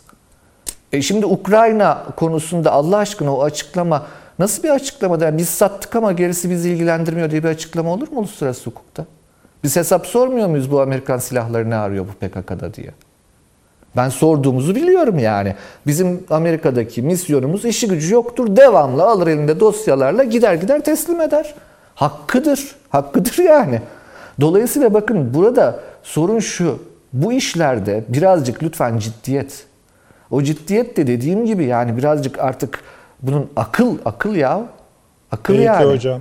Ee, ama bunun yerine böyle bir hamasetle ve kategorik düşünerek aklar karalar vay efendim biz batıya karşıyız yahut biz Rusya'ya karşıyız. Şimdi başta sorduğunuz soruya da kısaca cevap vereyim. Buyurun. Amerika mı Rusya mı? Yok efendim böyle bir ayrım Türkiye'nin karşısında. Böyle bir ayrım yok. Ben, ben onu Bunların sormadım. güç ölçekleri farklı. Öyle sormadım. Ya yok siz siz sormadınız da tartışılan şey bu dediniz yanlış hatırlamıyorsam Tabii, tabii. duyabildiğim kadarıyla. E, Yani bu bunlar çok farklı. Bunlar farklı özneler. Sizin ilişki kurma şekliniz farklı bunların ikisiyle. Yani böyle bir ayrımı gerçekten alıp Türkiye'nin önüne koyuyorsanız ben e, çok kimse kusura bakmasın. Ya iyi niyetinizden ya da aklınızdan şüphelenirim. İkisinden bir tanesidir. Peki hocam. E, kusuruma bakmayın Nedret Bey uzattım. Daha konuşacağız efendim. Avni abi bir şeyler ekleyecek herhalde. Yok hayır yani hocam son derece doğru. Yani e, ifade etti. Birincisi çok fazla siyaset meselesi var. Yani aşırı siyaset e, tartışmaların içerisinde biz boğulduk kaldık. İkincisi de e, bu e, mekanizmaları kuramıyoruz doğrudur. İşte bu Ukrayna işinde bu yani Almanya bize tank satmıyor diyelim ki mesela niye? Diyor ki sen bunu Güney Kıbrıs'ta yani veyahut da Irak'a karşı kullanamazsın diyor.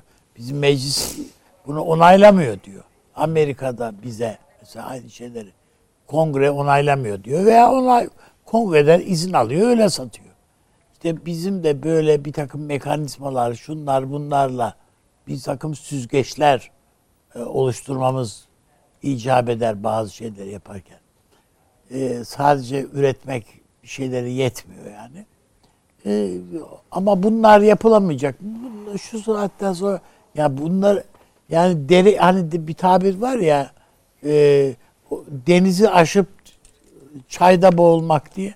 Biz bazen öyle takılıyor ayaklarımız bazı Peki. yerlerde. Peki abi. Süleyman hocam. Yani Buyurun. kısa Buyurun. bir şey Lütfen. eklemek istiyorum estağfurullah. Şimdi e, Ziya Paşa'nın bir şiiri var biliyorsunuz. Müsaade şey bir e, özdeyişi var. Yani, e, müsaademe-i efkardan barikayı hakikat Hakikat da var. var. Bu son derece yanlış bir ifadedir. Müsaademe çatışma demektir. Çatışmadan hiçbir şey doğmaz. Çatışmadan sadece çatışma doğar. Fikirler çatışmaz. Şunu deseydi Ziya Paşa doğru. Müzakereyi efkardan ha, tamam o zaman olur. Orada müzakere etmek diye bir şey vardır.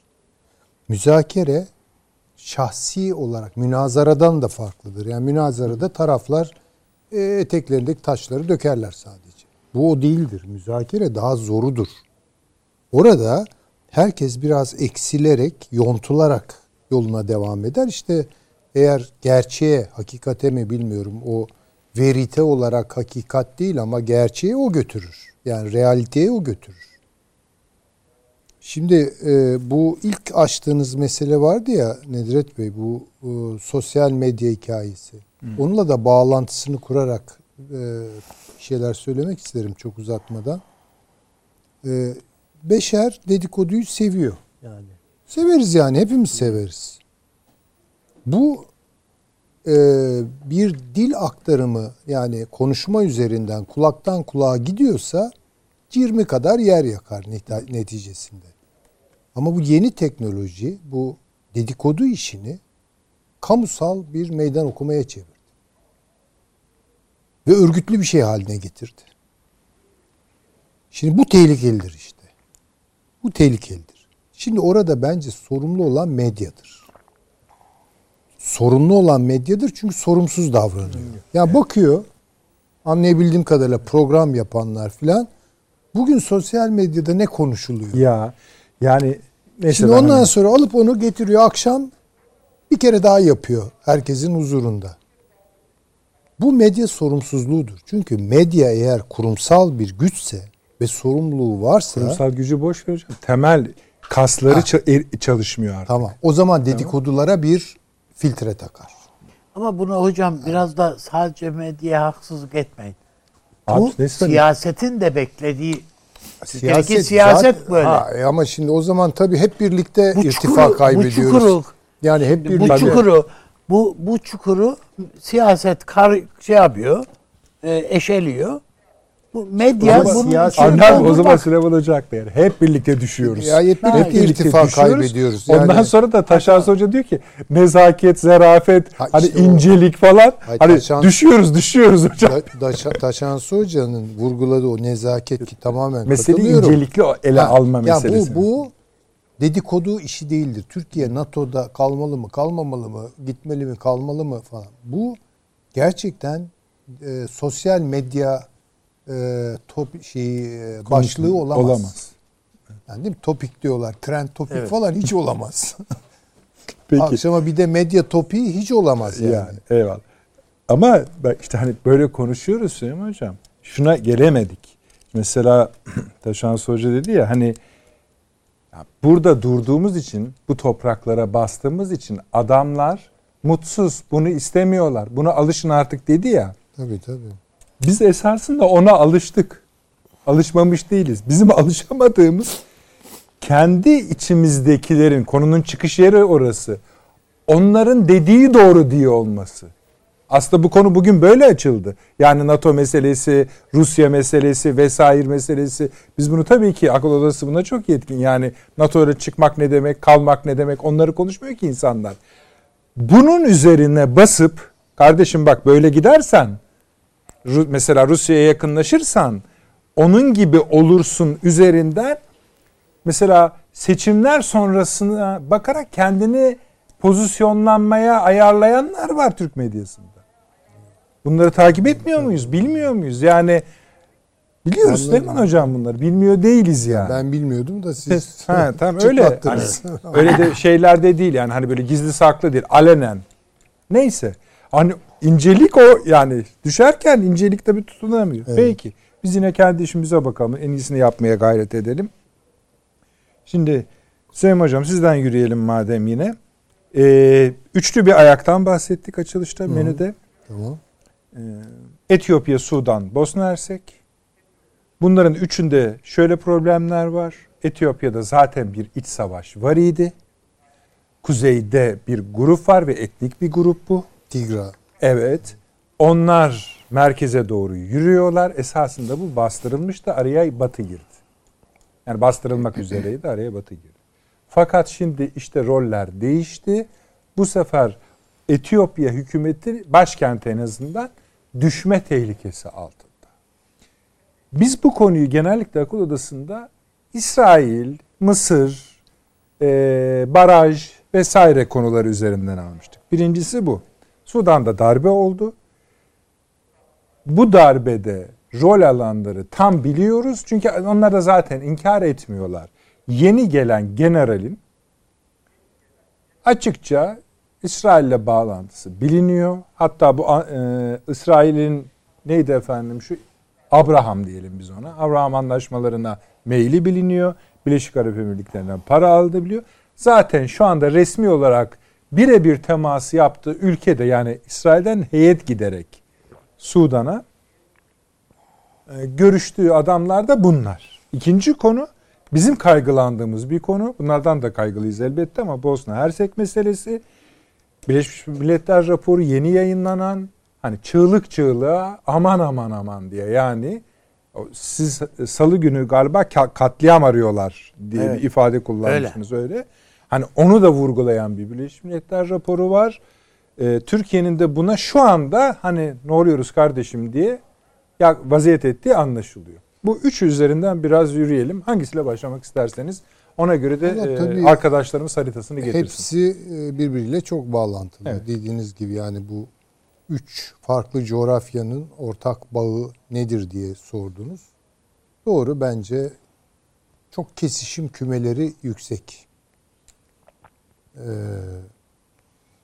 Afrika meselesini gene bence çok iyi anlamış değiliz. Ve Mesela yeni Afrika- zirve olacak bizde. Değil mi? Evet Avni? olacak. Bunlar tabii güzel de mesela üniversitelerimizde bu kadar uluslararası ilişkiler bölümleri falan açılıyor her yere maşallah bir tane falan. Kaç tanesinde Afrika çalışmaları merkezi var? Bu da böyle Amerika'da yazılmış Afrika makalelerini çevirip onun Tabii. üzerinden e, aktarımcılık yapmakla ilgili değil. Afrika dillerini kaç Türk öğreniyor? Etiyopya'yı biliyor muyuz? Nasıldır? Nasıl bir yer Etiyopya? Sudan'ın haritada yerini kaç kişi gösterir? Çok defolu bir tablo çıkıyor ortaya. Ama Türkiye'nin dinamikleri çalışıyor. Yani Türkiye Afrika'ya ayağını attı. Rusya da geldi oraya. Tabii. Fransa zaten oradaydı. İngiltere zaten oradaydı. Ee, İsrail girdi. Avrupa Birliği uğraşıyor ayrıca. Şimdi orada büyük bir rekabet var. Çin'den ayrıca zaten bahsetmeye gerek yok. Çin. Şimdi Çin e, ilk giren oldu belki dışarıdan beklenmeyen. E, fakat e, bence Çin'in Afrika macerası tam bir fiyaskodur. Çin adına fiyaskodur. Yani Afrika'yı kazanamadılar. Afrika zaten sömürgecilikten yılmış. Bunun da yeni bir tür sömürgecilik olduğunu gayet iyi gördü. Afrika'da aklı başında insanlar. Yani Çin Dolayısıyla- Afrika'da yenildi mi diyorsunuz? Ya yenildi diyemem Hı. ama, hani beklediği gibi olmadı. yani şöyle Afrika'yı kazanarak Afrika'da e, şu an tutunmuyor. Enkil anlaşmalar var, borç ilişkileri var falan filan. Yani bayağı böyle Afrika'yı rahatsız edecek bir takım mekanizmaları oraya kurarak yani fabrika açıyor, Çin'den işçi getiriyor. Afrikalıya iş vermiyor falan. Böyle bir şey. Ve çok ağır şartları var girdiği zaman. Zavallılar ilk önce hani yatırım gelecek ülkemize diye. Hani bir de batılı değil ya Çin. Kucak açtılar. Ama Çin belalı çıktı orada. Yani Ve- sizin dediğinize ekleyerek şu haritayı tam ekran verin bakalım arkadaşlar. Yani bu haritaya baktığımızda sizin dediğiniz yani birinci küme aslında Çin meselesi yine var. Tabii ki var. İkinci tabii ki. küme İsrail üzerinden İb- İbrahim anlaşmaları. Üçüncü küme o hattın e, Körfez üzerinden, Birleşik Arap Emirlikleri üzerinden, Hindistan üzerinden Pasifik'e yayılıyor Tabii olması. tabii tabii. Bu tabii. bir zincir. Bu bir zincir. Yani Fransa var aynı zamanda Önde o Fransa, Sahra. tabii, Avrupa var. Afrika, tamam Avrupa arkadaşlar. Hı. Şimdi Çin tabii burada e, Afrika'yı kazanarak e, bir iş çeviremediği için bir boşluk doğdu. Şimdi herkes onun peşinde benim görebildiğim kadarıyla. Rusya giriyor. Rusya'da mesela Güney Afrika'dan girdi. Çok ilginçtir yani. O daha aşağıdan bir girişi var. E tabii ki çeşitli ülkelerde çeşitli operasyonları var. Ama Rusya bir ekonomik güç değil. Bir askeri güç. Dolayısıyla yani Afrikalının ihtiyacına, derdine e, şifa olacak e, bir adım atmış değil. Dolayısıyla şimdi orada yeni ekonomik ilişkiler arıyorlar. Bu ilişkileri kimlerle kuracak? Türkiye'nin burada tabii eli şansı çok yükseliyor. Çünkü Türkiye hakikaten soft power ile giriyor. İnsani bir giriş yapıyor. E, Afrika'da daha evvel Osmanlı'yı tanımış olanlar var. Yani onların hatıraları var. Onlar canlandırılıyor. İşte TİKA çalışıyor. Efendime söyleyeyim Yunus Emre enstitüleri çalışıyor vesaire. Afrika'da Türkiye'nin öngörülenden ve sanılandan daha fazla şansı olduğunu, olabileceğini görüyorlar. Dolayısıyla Tam şeyimiz bile yani elçilik sayımız bile, bile katlandı. 45'e çıktı Tabii. yani. Mesela bu bu iktidarın bence en büyük başarılarından biridir yani bu Evet. dönem itibariyle. Ee, bunu da dikkat edecek olursanız birileri küçümsüyor. Yani şunlar şunlar O- varken o da kaçta Afrika onların gözünde hala ze- Tabii öyle bir fakir, yani fakir, e, zenci. zavallı Yani. vesaire. Tamam Afrika'nın kendine göre bir takım özellikleri var ama yani pek öyle karnında burun karn, karınları burunlarında olan çocuklar Yok, aç- e, o kadar değil yani. Öyle de değil yani. Afrika çok vahitkar. Genç nüfusuyla, madenleriyle, e, tarımıyla, toprağıyla vesaire. Şimdi burada bence yürütülen İsrail'in yürüttüğü Fransa'nın yürüttüğü, geri gelirse Rusya'yı da görürüz orada karşımızda ki Libya'da gördük zaten biliyorsunuz. Oradaki Türk etkisinin artma kapasitesini baştan durdurmak. Böyle bir mücadele var. Yani bir anti Türkiye boyutu var bu işin.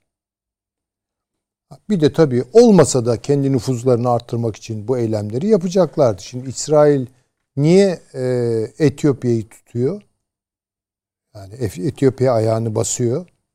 Niye Sudan'da darbe yaptırıyor? Mısır'ı daha iyi kontrol edecek. Mısır'ı kontrol edebildiği gibi bunları da kontrol edecek. Yani hinterlandı ile beraber kontrol edebilecek. Tabii ki kendi tarımsal çıkarlarını düşünüyor. Ee, işte enerji e, şeylerini, ilişkilerini düşünüyor. Ekonomik bir sürü çıkarını falan da düşünüyor muhakkak. Fransa çok yıprandı. Nasıl varlığımı devam ettireceğim? Bunun kavgasında. Dikkat edecek olursak Sudan'daki darbeciler darbecileri devirdi. Öyle öyle. Evet. Evet doğru. Çünkü ilk darbeyi yapanlar büyük ölçüde Fransa'yla iş Evet. tuttular. Öyle. Ne yaptı? Darbeci darbeciyi devirmiş oldu ve tamamen ibreyi İsrail'e çevirdi. Bundan mesela rahatsız olacak olan bence e, devletlerden biri de eğer aralarında gizli bir anlaşma yoksa bir işbirliği yapmıyorlarsa gene Fransa olmak gerekir herhalde. Çünkü orada da bir kontrol kaybı oluyor. Ee, Etiyopya'da bu baraj işini İsrail destekledi. Benim takip ettiğim kadarıyla. Evet, Bayağı işlerinde verdi yani. Tabii tabii verdi. O işi büyüttü. O işi büyütmek suretiyle çok büyük bir risk aldı. Etiyopya devlet başkanı Türkiye'ye de geldi ya e, Ahmet ne a- Evet. Bulalım bulalım. Doğru Türkiye. Evet. Ee, yani aslında bir bakıma da onun saflığına gelmiş oldu. Belki de orada da zaruretler belirledi. Ya büyük bir proje bu. Varını yoğunu yatırıyor. Fakat öyle bir noktaya geliyor ki o proje sebebiyle varoluşu risk altına giriyor. Ve şimdi bugün Addis Ababa kuşatılmış durumda. Yani Amerika diyor ki aman girmeyin falan. Batıdan öyle telkinler geliyormuş. Girmeyin falan. Evet. Yani oraya kadar niye geldin falan diyen yok. Şimdi demek istediğim e, bundan sonra Afrika'da Abi Ahmet. Abi Ahmet evet. Bundan sonra Afrika'da çok daha kanlı hesaplaşmalar olacak. Maalesef. Bunları göreceğiz. Türkiye Afrika'nın sosyolojisi, antropolojisi, kültürü vesaire bunlarla ilgili dilleri konusunda çok iyi yetişmiş kadrolarını hem milli istihbarat düzeyinde çok önemli çünkü hem de bütün ticari odalarda, yatırımcı şirketlerde, şurada burada istihdam etmeyi bilmiyorsa Afrika konusunda öyle rastgele ya iki tane kuyu açarız. Yok. Severler bizi, biz de orada iş tuttururuz gibi böyle basit esnaf kafasıyla falan gitmez bu iş. Hakikaten çünkü mücadele siyasallaşıyor ve Türkiye'yi tutuyor ucu. Bunu görmek çok ilgili durumundayız. bizimle. Çok ilgili tabii. Hı hı. tabii. Yani o haritaya bakıp hani Efendim biz Afrika'da toprak kiralıyoruz. Tabii. Yani- Bir, bir, bir buçuk milyon E şimdi dönüm bu- arazi kiraladık. kiraladık. Yani bu Türk halkının yarın bir gıda krizinde kullanabileceği olan bir imkan. Yani nasıl ki doğal gazımızı depoluyoruz Tuz Gölü'nün altına. Yani saklı saman, samanı gelir zamanı. yani Bunlar- şurada şöyle çok bağışlayın. Çin Avustralya'da çok geniş pirinç alanları kiraladı, kiralamıştı. Hala da kiralıkta. Yani çok çok büyük alanlar ve uzun me- metraj yani 90 yıllık, Tabii, 100 yıllık tabii. falan. Şimdi bakın ne oldu? Aukus, Maukus hepsi tehlikede. İşte bizim de onun için mesela E, Afrika'ya. odur tabii yani ki. işte. Yani çok dikkatli orada yaptığımız yatırımın garantisi ne? Değil mi? Türkiye'nin oradaki artan nüfuzu olabilir. Tabii, Kurduğu ilişkiler olabilir. Çünkü nüfuzu. bir çırpıda dediğiniz gibi her şey elimizden de çıkabilir. Onun için hakikaten çok ciddi Bu da bu Afrika risklerden bir meselesi. tanesi. Çünkü Evet, bu ülkelerin yönetimleri değiştiği zaman Bitiyor Afrika işte, değişiyor, Akdeniz değişiyor, Orta Doğu değişiyor vesaire. vesaire. Yani hani önümüzdeki yüzyıl Asya yüzyılı olacak filan deniliyor ya. Ee, tereddütlerim var yani. Biraz Afrika mı olur? diyorsun? Biraz Afrika yüzyılıdır. Yani bunu görmek Belki. durumundayız. Onun için burada hani Sudan meselesini gündeme getirdiniz. Etiyopya meselesini. Çok karmaşık denklemler var. Bunu bakın Libya'da gördük biz. Aa kabileler varmış da işte orada bilmem Tiguanlar varmış da burada bilmem kimler varmış Şey, da. baştan Libya'yı keşfettik. Ee, baştan Libya'yı keşfettik. Bilmiyorduk çünkü. Tabii, tabii. Onu Afrika'nın derinliklerine doğru 8 ile 10 ile filan katlamak lazım. Kabile içinde kabileler, onun içinde kabileler. Oradaki eksikliğimizi yeni keşfettiğimiz gibi, gördüğümüz gibi meğerse elimizde bu işleri çok çok iyi bilen adamlar da varmışı da o zaman öğrendik. Yani, Yani ha, evet. çok sınırlıydı sayıları. yeterli değil. E, Tabii, tabii çok çok yeterli sınırlıydı değil. ama öyle. Yani şimdi Libya'da bakınız. Türkiye'de Türkiye'nin ticaret odaları, sanayi odaları bilmem ne yani oraya Tabii. bir yatırım çünkü tamam askeri gönderdik de bir ekonomik bağlar da kurmak zorundayız. Ama bu pek yürümüyor galiba gördüğüm kadarıyla. Veya ne kadar yürüyor açıklama yapmaları lazım biz de bilmiyoruz ki. Belki yapılıyordur. Yürüyor Hocam gözüküyor. yapılıyor. O Yürüyor, konuda yürüyor, yani yürüyor. Ee, olumlu inşallah. bir takım İnşallah. İşaretler, göstergeler var. Ama yani benim aldığım, okuduğum bir makale e, bütün o yatırımlarda Mısırlı firmaların bizden E çok tamam, daha etkili elbette olduğu. hocam. Ama Yani olmaz. Pozisyon adam ama yani hani- coğrafi yakınlığı ve tecrübeyi Vallahi o- onu, onu Mısır firmalarının vasıfları düşünüldüğü zaman Türk müteahhitlik firmaları ki dünyada birinci, Çin ise ikinci Türkiye. O zaman nerede kaldı? Yani e, biraz onlara dikkat Coğrafi etmek lazım. Yakınlık ve tarih açısından bir öncelik olabilir. Ama Türkiye'nin yani dönemsel yükselişine baktığınız zaman birkaç katı. Sadece Afrika'nın bu tarafında değil ki başka yerlerde de ciddi Türk varlığı var. Var Askeri var tabii tabii. öyle. Ama bunu sürdürülebilir Gayet kılmamız tabii. lazım. Oturtmanız Yani lazım güç- yani. güçlendirmemiz lazım. Çünkü adamlar geliyorlar. Türkiye'de bu operasyonlara katılacak. şu noktada doğru hocam. Yani şimdi orada diyelim X yönetimi destekleyen bir askeri varlık ortaya koyarsanız e o yönetimin başına bir iş geldiği vakit e, sizin askeri varlığınız da Tabii. sorgulanır hale geliyor. Tabii tabii. Yani e, mevcut Etiyopya devletinin İsrail şu ana kadar hep yanında gözüktü. Birden şimdi bakın. E, öyle. Sudan'da da aynı şeyi yaptı. Tabii tabii. Yani onun için dikkat onun için belki Etiyopya Türkiye ile Libya'nın yaptığı gibi askeri anlaşma yapamadı. Belki. Şimdi düşünsenize yani biz Katar'a asker gönderiyoruz. Libya'ya asker gönderiyoruz. E niye göndermeyeceğiz e, şeye? Etiyopya'ya? Niye göndermeyelim? Doğru. Ben bir şey değil mi? Gönderelim. Elbette tabii yani bir, bir taraf olacaksınız yani. Orada Mısır var, bilmem Sudan var. Sudan'ı büyük ölçüde elimizden aldılar, kaçırdılar.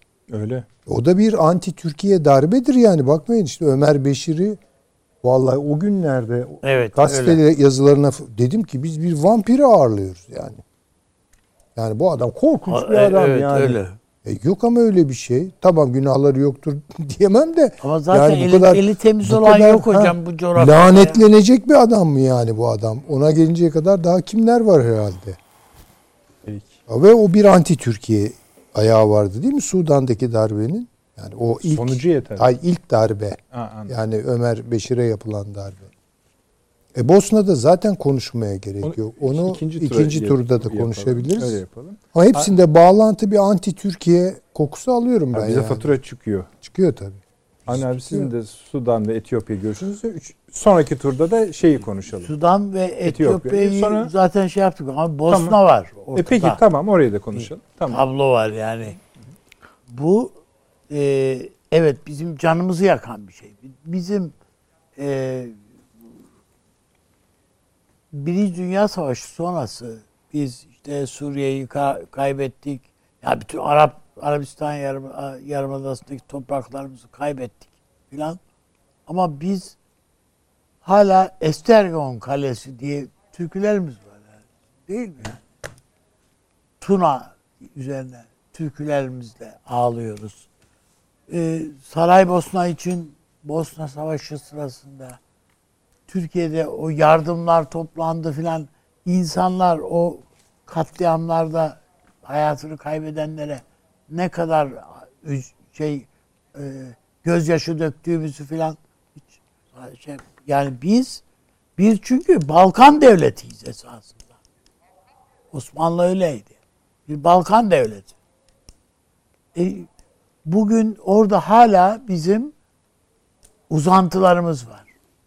Bir kısmı Türk ama bir kısmı Müslüman olarak. Yani Türk ırken Türk olmasa bile e, etnik olarak Türk olmasa bile bizim orada e, bağlı insanlarımız var. Belki bir vesileyle anlatmıştım. Bu e, Türkiye'de TRT'de bir programlar falan da yapan işte o e, Kur'an yarışmalarında filan da da sunuculuk yapan çocukcağız orada bir gezilerini anlattı. Şimdi diyorlar ki ya buraya gelen birisi bir şey bir Türk heyeti orada Bosna'da diyelim veya işte Kosova'da e, burada bir dedemiz var ama vefat etmek üzere yani tam ölüm döşeğinde. Adamın bir ricası var. Yani amcamızın bir ricası var. Beni bir Türk defnetsin diye. Bizim TRT'ci çocuk diyor ki ya ben bilmem ki yani bu işleri yani hani cenaze namazı nasıl kıllan, kıl, şey yapılır, kıldırılır, cenaze nasıl defnedilir ben bilmem. Ya diyor ki önemli değil yani senin bilmen. Senin orada el vermen önemli. Yani orada ve çocukcağızı oraya götürüyorlar ve hakikaten işte bildiği bir ezan zaten hani cenaze namazı dediğinizde de, fark etmez. İşte salah okuyorsun gibi. Yani işte çocukcağız bildiği bir iki bir şeyi okuyor. Ondan sonra da defnediliyor. Bir diyorlar ki hazır buraya kadar gelmişken şurada bir garip durum var. Yani bir köy var ileride. İşte iki kilometre ileride. Hiç kimse yaşamıyor orada. Bir adam var. Her gün çıkıyor beş vakit ezan okuyor. Ama kimse yok köyde. Bu da ilginç buluyor onu. Ya bir gidelim görelim bakalım yani bu aklı evvel adam ki nasıl birisi bir göreyim falan diye gidiyor. Gidiyorlar köye. Bu adamı buluyorlar. Adam nereden geliyorsunuz? Ya Türkiye'den. Biliyordum bir gün geleceğiniz diyor adam. Aradan yüz sene geçmiş. Kardeşim yüz küsür sene geçmiş. Bir gün geleceğinizi biliyordum diyor. Bunun bu veya buna benzer örnekler var. Biz onun için evet yani şey değiliz ama orada demir attık biz. Yani çapa çıpa diyoruz ya işte orada yani devletin, milletin bağlı noktaları onlar, oralar. Dolayısıyla bu batıda ister bu Almanya olsun, ister Amerika olsun, ister Sırplar, şu bu filan hepsi hiçbir şekilde o Dayton anlaşması filan bağlamaz kimseyi. Bir an evvel bu işi nasıl derdest edelim, bu Türkleri buradan, bu Müslümanları buradan sepetleyelim ya da katledelim bunları, ölsün gitsinler.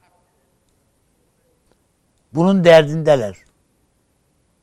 Geçmişteki o hengame ki e, NATO dediğimiz kuvvet bile ya hani fırsat bu fırsattır ne kadarını öldürürseniz kardır diye başlarında bekçi gibi bekledi.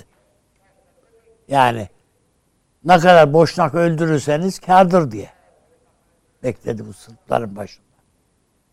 Hala utanmazlıkla işte istedikleri kadar yargılasınlar. Artık utanmadan dolayı yargıladılar, içeri attılar filan. Hiç fark etmiyor. Adamlar utanmıyorlar. Yani bunlar yeni bir katliam, yeni bir e, orada kapışmanın e, Yer fitilini ateşleme ve bunu Rusya kışkırtıyor. Tabii, Rusya. Alma- Rusya kışkırtıyor. Almanya kışkırtıyor bir taraftan filan. Yani onun için Türkiye işte geçen haftaydı değil mi? Ee, Saraybosna'dan işte e, Sayın Cumhurbaşkanı Başbakan mı ne geldi Türkiye'ye. İzzet Begoviç, İzzet yönetim Begoviç, şeyin evet. başı, üyesi. Evet. Tam söyleyeceğim şimdi Evet. siz devam edin. Şimdi e, herhalde o özel bir ziyaretti. Evet ben öyle Ve- anladım hani onun Evet, üzerine yani, olunca. e, o bir takım e, bu bütün bu gelişmelere ilişkin bazı hususlar da e, Cumhurbaşkanlığı Külliyesi'nde değerlendirildi, konuşuldu, görüşüldü. Herhalde Türkiye'nin orada bir şeyi vardır, farklı yaklaşım vardır. E, nedense biz e, Libya'da da böyle oldu. Hep gecikerek. Saraybosna'da da öyle oldu. Gecikerek. Yani. Yani acaba NATO ile birlikte mi hareket etsek? NATO ne diyor acaba filan diye düşüne düşüne biz düşünürken Fransa gitti, katletti, vurdu. Bölgeseli küreselle ıskalamak denir buna yani. Ha evet. Dediniz doğru. Bakın aynı şeyleri yapıyoruz. Çok özür dilerim. Estağfurullah, Şunu doğrusu söyleyeyim. Yani küresel güçler işte uluslararası e, bilmem ne diyelim güçler falan gibi bunlara çok dikkat etmek lazım. E, Cezayir bağımsızlığını kazandı. O küresel politikalar bize orada onu Birleşmiş Milletler'de Evet. Fransa lehine oy kullandık evet, canım. çekimser Yani. kaldık. Düşünebiliyor musunuz? Ya. Ve Cezayir'in kalbini kırdık ve hala kırık adamlar yani. E şimdi küresel bilmem ne diye Libya'ya daldık. Evet. Öyle yapmadık mı? Küresel güçler diye başımız bakın orada nasıl farklı yerlere. E Suriye'ye Suriye'nin dostları diye bir girdik, bir baktık kimse yok biz kalmışız ve çok kötü bir durumda. Üstelik de su, suçlanıyoruz. Ya çok dikkat edelim bunlara yani. Burada da aynı şey. Balkanlarda da. Onun için bölgesel politikalar önceliklidir. Çünkü küresel müdahaleler gelir geçer ama bölgesel aktörler kalır. Mesela işte e, bugüne kadar hiç Çin şeyi yapmamışsınız Birleşmiş Milletler'de. Yaptı, Evet. ona imza atıyorsunuz. tabii, bir saat tabii. sonra adam diyor ki Adam- Suriye'de senin ne işin var diyor Bela, gibi bela mesela. getirir yani. Şey abi e, Bosna Hersek Halklar Meclisi Başkanlık Divanı Meclis üyesi Bakir Başkanı. İzzet Begoviç. Ha, Şimdi tamam. Tamam. Yani- Sayın Cumhurbaşkanı ile görüştüler Evet, ve tabii evet. yani hani o kadar onun izini taşıyor ki hemen Sırp lider işte konuştuk. Dodik'in işte Balkanları işte tehdit eden açıklaması sadece kendi o ülke değil yani. Ayrılalım diyor vesaire. Biz yani Balkan politikalarını Türkiye yeniden gözden geçirmeli. Ne yapacaksa yani işte Balkan paktını mı yapacaksın bilmem neyi mi yapacaksın. Çünkü Bulgaristan dahil, Romanya dahil herkes tedirgin. Bütün Balkan coğrafyasında herkes hem Amerika'dan da yana tedirgin hem Rusya'dan yana tedirgin. Kimse şey değil. Sağlık e, orada rahat değil yani. Hatta bir tabi Avrupa Birliği'nden yana da tedirginler. Yani bazı Avrupa Birliği'nden çıkalım mı kalım. Herkes bu şeyin.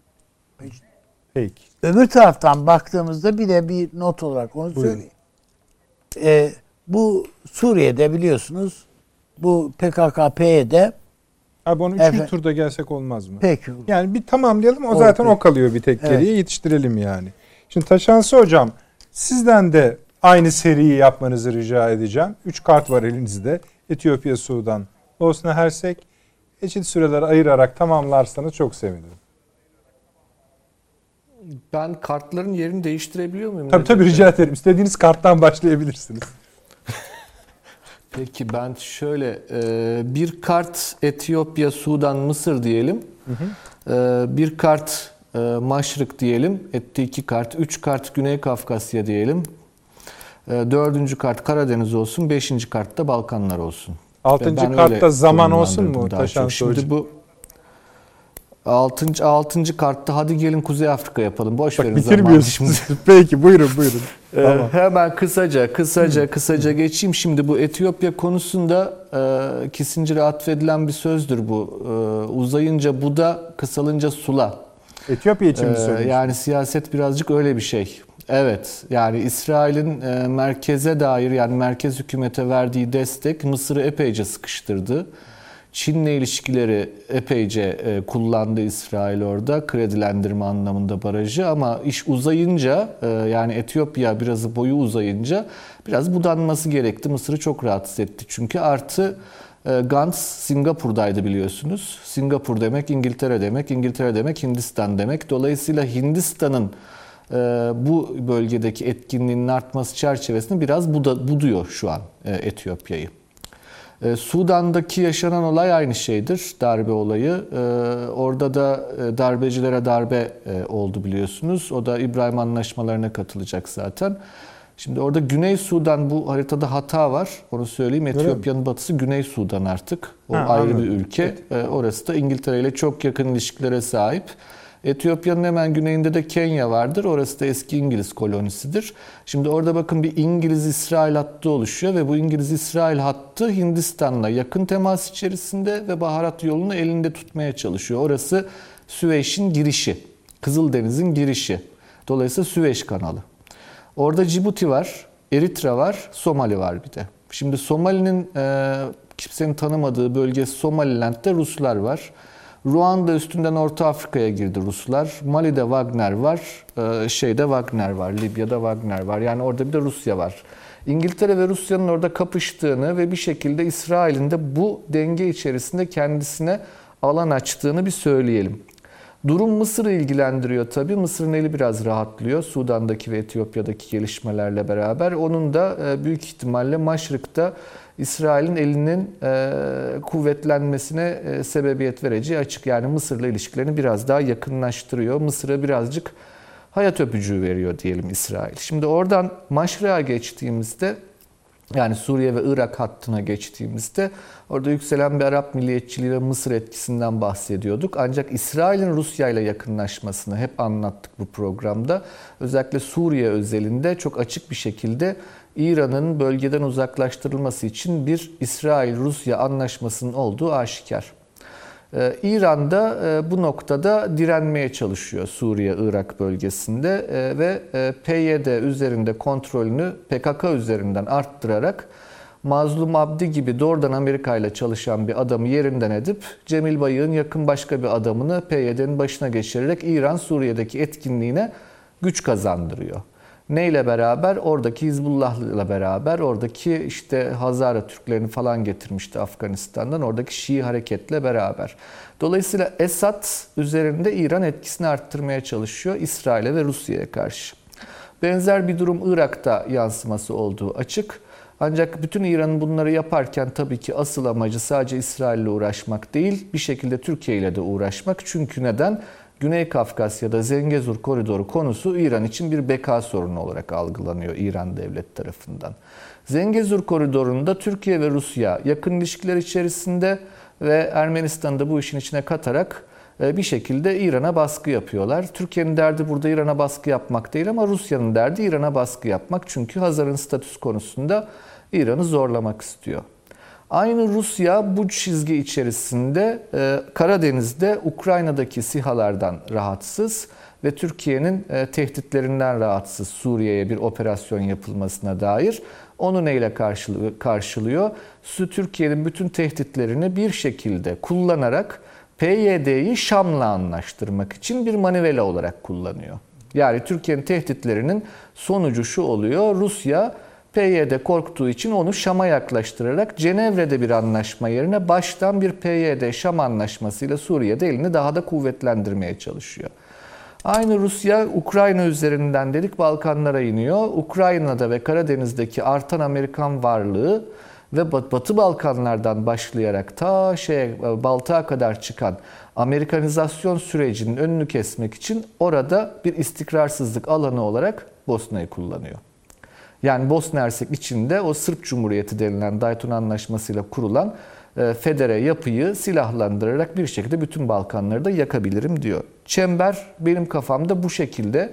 E, bu çember farkındaysak tamamen Türkiye'nin etrafında ve bir ucu Hindistan'a çıkar, bir ucu Çin'e çıkar, bir ucu Amerika'ya çıkar. Şimdi bu nezaket, zerafet diye biraz önce konuşmada anlattığım şeyler tam da bunlarla alakalıdır.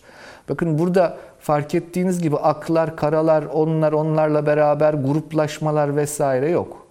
Bu e, şeyde Dünya Ekonomi Forumu'nda Putin'in söylediği şeydir gerçekleşti. Herkesin herkese karşı olduğu, grupların, paktların e, çok akışkan bir hal aldığı, yeni bir dünya sistemsizlik hali, yeni bir e, mimari arayışında gerçekten büyük belirsizlikler dönemi bu ve burada bir tane özne var. O öznenin adı ulus devlet. Her ulus devlet kendi çıkarını kollamak durumunda. Ancak kendi çıkarını kollamak demek bir, ulusal çıkar kavramını doğru tanımlamak, iki, ulusal çıkar kavramı ile ittifaklar arasındaki ilişkileri, mesafeleri iyi analiz edebilmek gerekiyor. Yani e, Kuzey Kore de ulusal çıkarının peşinde kendince ama tek başına. Öyle bir ulusal çıkar algısı bu, bu coğrafyada olamaz. Türkler için olamaz. Yani Türkler e, dünyanın onurlu bir milletidir e, ve dünyada onurlu bir yer edinmiştir uluslararası politikada. Dolayısıyla öyle içime kapandım, tek başıma yaşıyorum. Çok affedersiniz kelime için ama doğrusu doğrudur. Bu sosyopat değildir. Kuzey Kore gibi. Dolayısıyla bu iktidar yani ittifaklar içerisindeki iktidarlar, alt iktidarlar ve güç paylaşımları dengelerinin iyi hesaplanması gereken bir dönem ve farkındaysak bizim etrafımızda bu coğrafya. Yani başlatın bunu Fas Cezayir e, anlaşmazlığından ki orada ciddi bir şeyler oluyor şu an. Oradan getirin sahile, Libya'ya, sahil bölgesinden ta Çad'a kadar uzatın, Sudan'a, Kızıldeniz'in girişine kadar ve bütün o Afrika boynuz denen bölge, Mısır'ı da içine alan Orta Doğu, e, İran, Kafkasya, Karadeniz, Balkanlar, Doğu Avrupa dedik. E ya kardeşim işte bu zaten Türkiye'nin e, ilgili coğrafyası. Bütün bu ilgili coğrafyada bütün taşlar yerinden oynarken az daha nezaket, az daha zerafet, az daha iyi hesap kitap e, herkes için faydalı olur diye düşünüyorum. Kısaca bitirdim bence Nedret Bey. E, vallahi bravo. Teşekkür ediyoruz.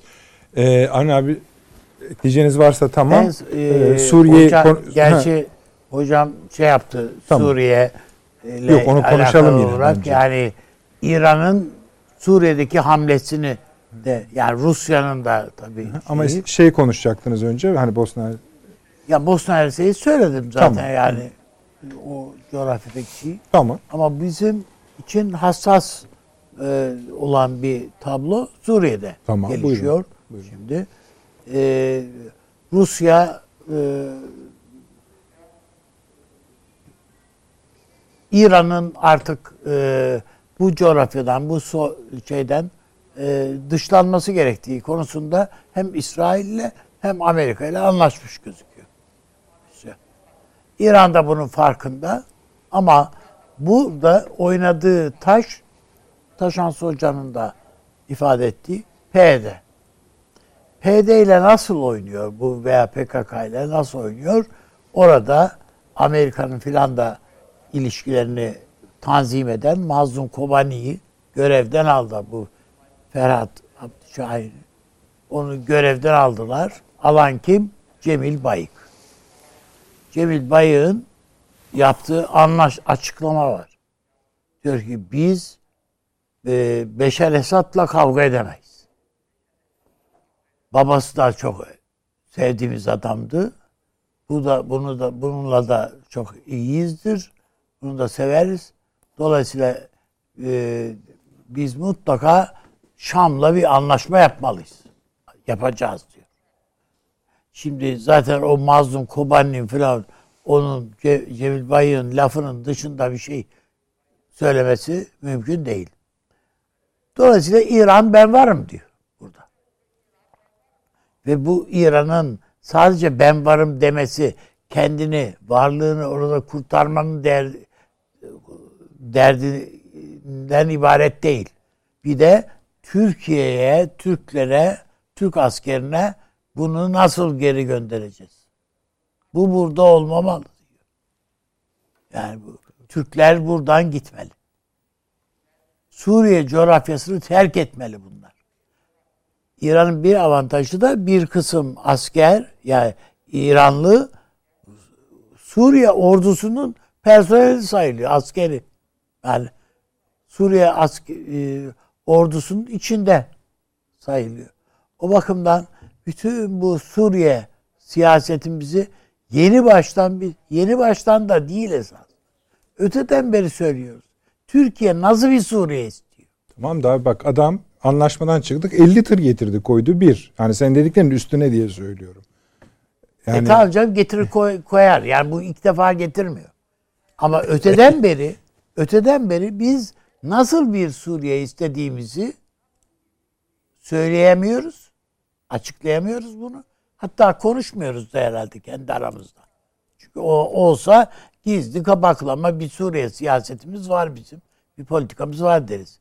İki, Amerika'ya da son Cumhurbaşkanımızın e, görüşmesinde Roma görüşmesinde söylediği cümle yani önemli ve hatta fikir veriyor bize. E, oradaki cümle şu idi. E, Amerika'nın PKK, PYD'ye verdiği destekten dolayı üzgünüz. Bu yani üzüntüden ibaret değil yani bizim durumumuz halbuki. Biz kızgınız. Yani bu bir müttefik isek sözüm ona falan. Ve mutlaka biz orada karşı karşıya geleceğiz. Bunu öngören bir Suriye siyaseti o coğrafyada bir şey geliştirmek ihtiyacındayız biz. Öteden beri burada yani programlarda e, Paşam da Fahri Paşa da söyle şey yapıyor. Efendim askerimiz hazır. Hudutta bekliyor yani bizim asker. Yığınak yapılmış. Te, eller tetikte bekliyoruz. Geçen hafta konuşmadık mı yani? Bu hafta yapılır mı bu operasyon? Yapılmaz mı diye ya. Ben hani yapılmaz diye artık salı günü söylediydim yani. Ertelendiği anlaşılıyor diye ama ama habire yığınak yap, askeri sevk et, geri çek. Bu o, olacak iş değil. Peki. Mutlaka ve mutlaka Türkiye ne istediğini söylemeli. Bunu Amerika'ya da söylemeli, Rusya'ya da. Ve keza tabii e, Şam'a da söylemeli ve bunun gereğini yerine getirmeli. Devam edeceğiz. Yani Süleyman Hocam'ın zaten daha Balk şeyleri var. Balkan, Balkanları Suriye'si var. Orada kaldık. Ee, bir kısa reklam arası efendim. Ee, hemen dönüyoruz. Format yok? Buyurunuz. Estağfurullah. Şimdi e, bu e, Taşansı Hoca'nın çizdiği e, çerçeveden baktığım zaman e, yani büyük ölçüde katıldığımı söyleyebilirim. Özellikle Rusya Hı, bağlantıları ve Rusya-İsrail. Fakat aynı bağı İngiltere-İsrail arasında kurmakta zorlandığımı söyleyebilirim. Yani e, tabii bir izlek veriyor bize e, Taşansı Hoca'nın söyledikleri yani Singapur haritanın yolu diyelim. Bir, haritanın bir şey... yolu evet yani baharat yolunun kontrolü Kızıldeniz işte tam o kuşak oraya oturuyor vesaire. Orada İngiltere'nin ağırlığı etkisi bunları da söyleyebiliriz ama ne kadar olgunlaştı bu iş onu ben bilmiyorum. Ee, çok böyle İsrail üzerinde İngiltere böyle çok pro İsrail gitmiyor. Ya da e, o zaman şöyle düşünmek lazım. Akdeniz'de o kadar pro İsrail değil. Belki Afrika'da yakınlaşıyor siyasetleri. Bu bilemiyorum ama yani çok ciddiye alacağım tabii bu tezi. Yani takibe değer buluyorum. Ama mesela Rusya hakkında söyledikleri çok daha bence etkileyiciydi. Doğru. Ee, Bosna'da olup bitenler yani Bosna Hersek'te yaşayan Sırpların yürüttüğü siyaset Dogi midir? Nedir o adam? Dodi mi? Dodi. Dodi mi? Dogi mi? Bunlar da niye böyle yani oluyorlar tuhaf bu isimler? Isim var. Neyse yani. Akılda da kalmıyor. Buyurun. Ee, bu adam Sırbistan Dodik. Dodik. Mil Milorad Dodik. Dodik ezberleyelim onu. Bu adamın siyasetleri Sırbistan'ın siyasetleri değil. Yani bunun arkasında Sırbistan yok. Bunun arkasında Rusya var. Bu çok açık. Balkanları yakma tehdidi doğrudur. Ben de tamamen katılıyorum. Ama Balkan yangınından kim ne umar? Yani Rusya şunu demek istiyor. Ben burada diyor Sırp ateşleyicisini, Ortodoks ateşleyici, Slav ateşleyicisini kullanırsam yakarım, yakabilirim diyor Balkanları. Peki bu Almanya'nın çok işine gelir mi? Düşünmek lazım. Avrupa Birliği'nin çok işine gelir mi? Düşünmek lazım. Amerika Birleşik Devletleri böyle bir şeyi destekler mi? Emin değilim. Yani orada. Ee, ama en azından bir uç gösterdi. Beni biraz ferahlatan evet bir tehdit var. Allah korusun. Hayata geçerse Balkanlar yanar. Hiç şüphemiz Öyle. yok. Ama bu hayata geçer mi? Sadece Rusya orada bence diş gösterdi. Peki nereye diş gösteriyor? Aşağı yani dede ağaç üzerinden gelen şey. Elbette tabii. Ha tamam. Tabii. Tabii. O. Bir de yani Avrupa Birliği'ne de diş gösteriyor yani. Avrupa'da varım diyor ben. Senin Avrupa olarak kabul etmediğin yerde varım üstelik diyor. Yani Bosna Hersek benim bildiğim Avrupa Birliği ne üye falan değil değil mi? Değil. E tamam. Evet. Bak ama ben buradayım diyor. Şimdi dolayısıyla e, çift taraflı diş gösteriyor. Türkiye'ye de bir anlamda diş göstermiş oluyor. Gene aynı şey. Çünkü orada hedef alınan alınmak istenilen en azından boşnaklardır. Ben bu işin çok kolay büyümeyeceğini tahmin ediyorum, öngörüyorum. İnşallah yanılmam. E, çünkü şöyle düşündüğünüz için mi? Hani ikaz ediyor Ruslar. Hani onun için tabii, bu kadarla tabii. kalacaktır mı anlamında yani en azından mı? varlık gösterdi orada. Bundan sonra Balkanlarda olup biteceklerde ben beni de hesaba katacaksınız demeye getirdi. Getiriyor. Bu yüzden bu mi mi düşük görüyorsunuz? Öyle görüyorum. Yani çünkü sonuçta bu Dodik Modik gibi adamlar bunlar... İşte Dodik Modik de ortada 750 bin normal silahın dışında silah var. Var tamam. Tiyatronun kuralını biliyorsun. Yani ama işte bu belki şeydir. Çehov'un değil mi evet, lafıydı. Masanın üstünde silah bir Duvarda yuvar. bir silah asılıysa ateşlenir de yani var diye de hemen ateşlenmeyez yani. O kadar da kolay değil. Bir tek yani. insanı endişelendiren şu, şu hocam yani e, diyelim ki birilerinin e, heve şeyi öfkesi e, Bosna'ya, Boşnaklara dönükse olabilir. O ya yani onlar ama orada o mevzi kalmaz şey, o iş. Orada kalmıyor. Yani Arnavutluğu hariç tutabilir misiniz böyle tabii, bir tabii, kapışmada? Tabii tabii. tabii. o o büyük iş yani. Yani o, Kosova'yı hariç der... tutabilir misiniz? Mümkün değil. Tabii, yani tabii. bütün bu yangın oradan oraya sirayet eder ya. Bu da orman yangını gibi. Tabii. Tabii. Çünkü iyi kötü Dayton anlaşması falan bu tabii çok sürdürülebilir bir şey değil. Onu da görelim ve ikinci bir Dayton'a karşı e, ya da Dayton nasıl söylüyorlar. Buna karşı da bir e, Türkiye'nin hazırlığı olması lazım. Ama Bence şimdi buna karşı Türkiye de bir cevap verecektir muhtemelen. Ee, Boşnaklar da gerekeni yapacaklardır.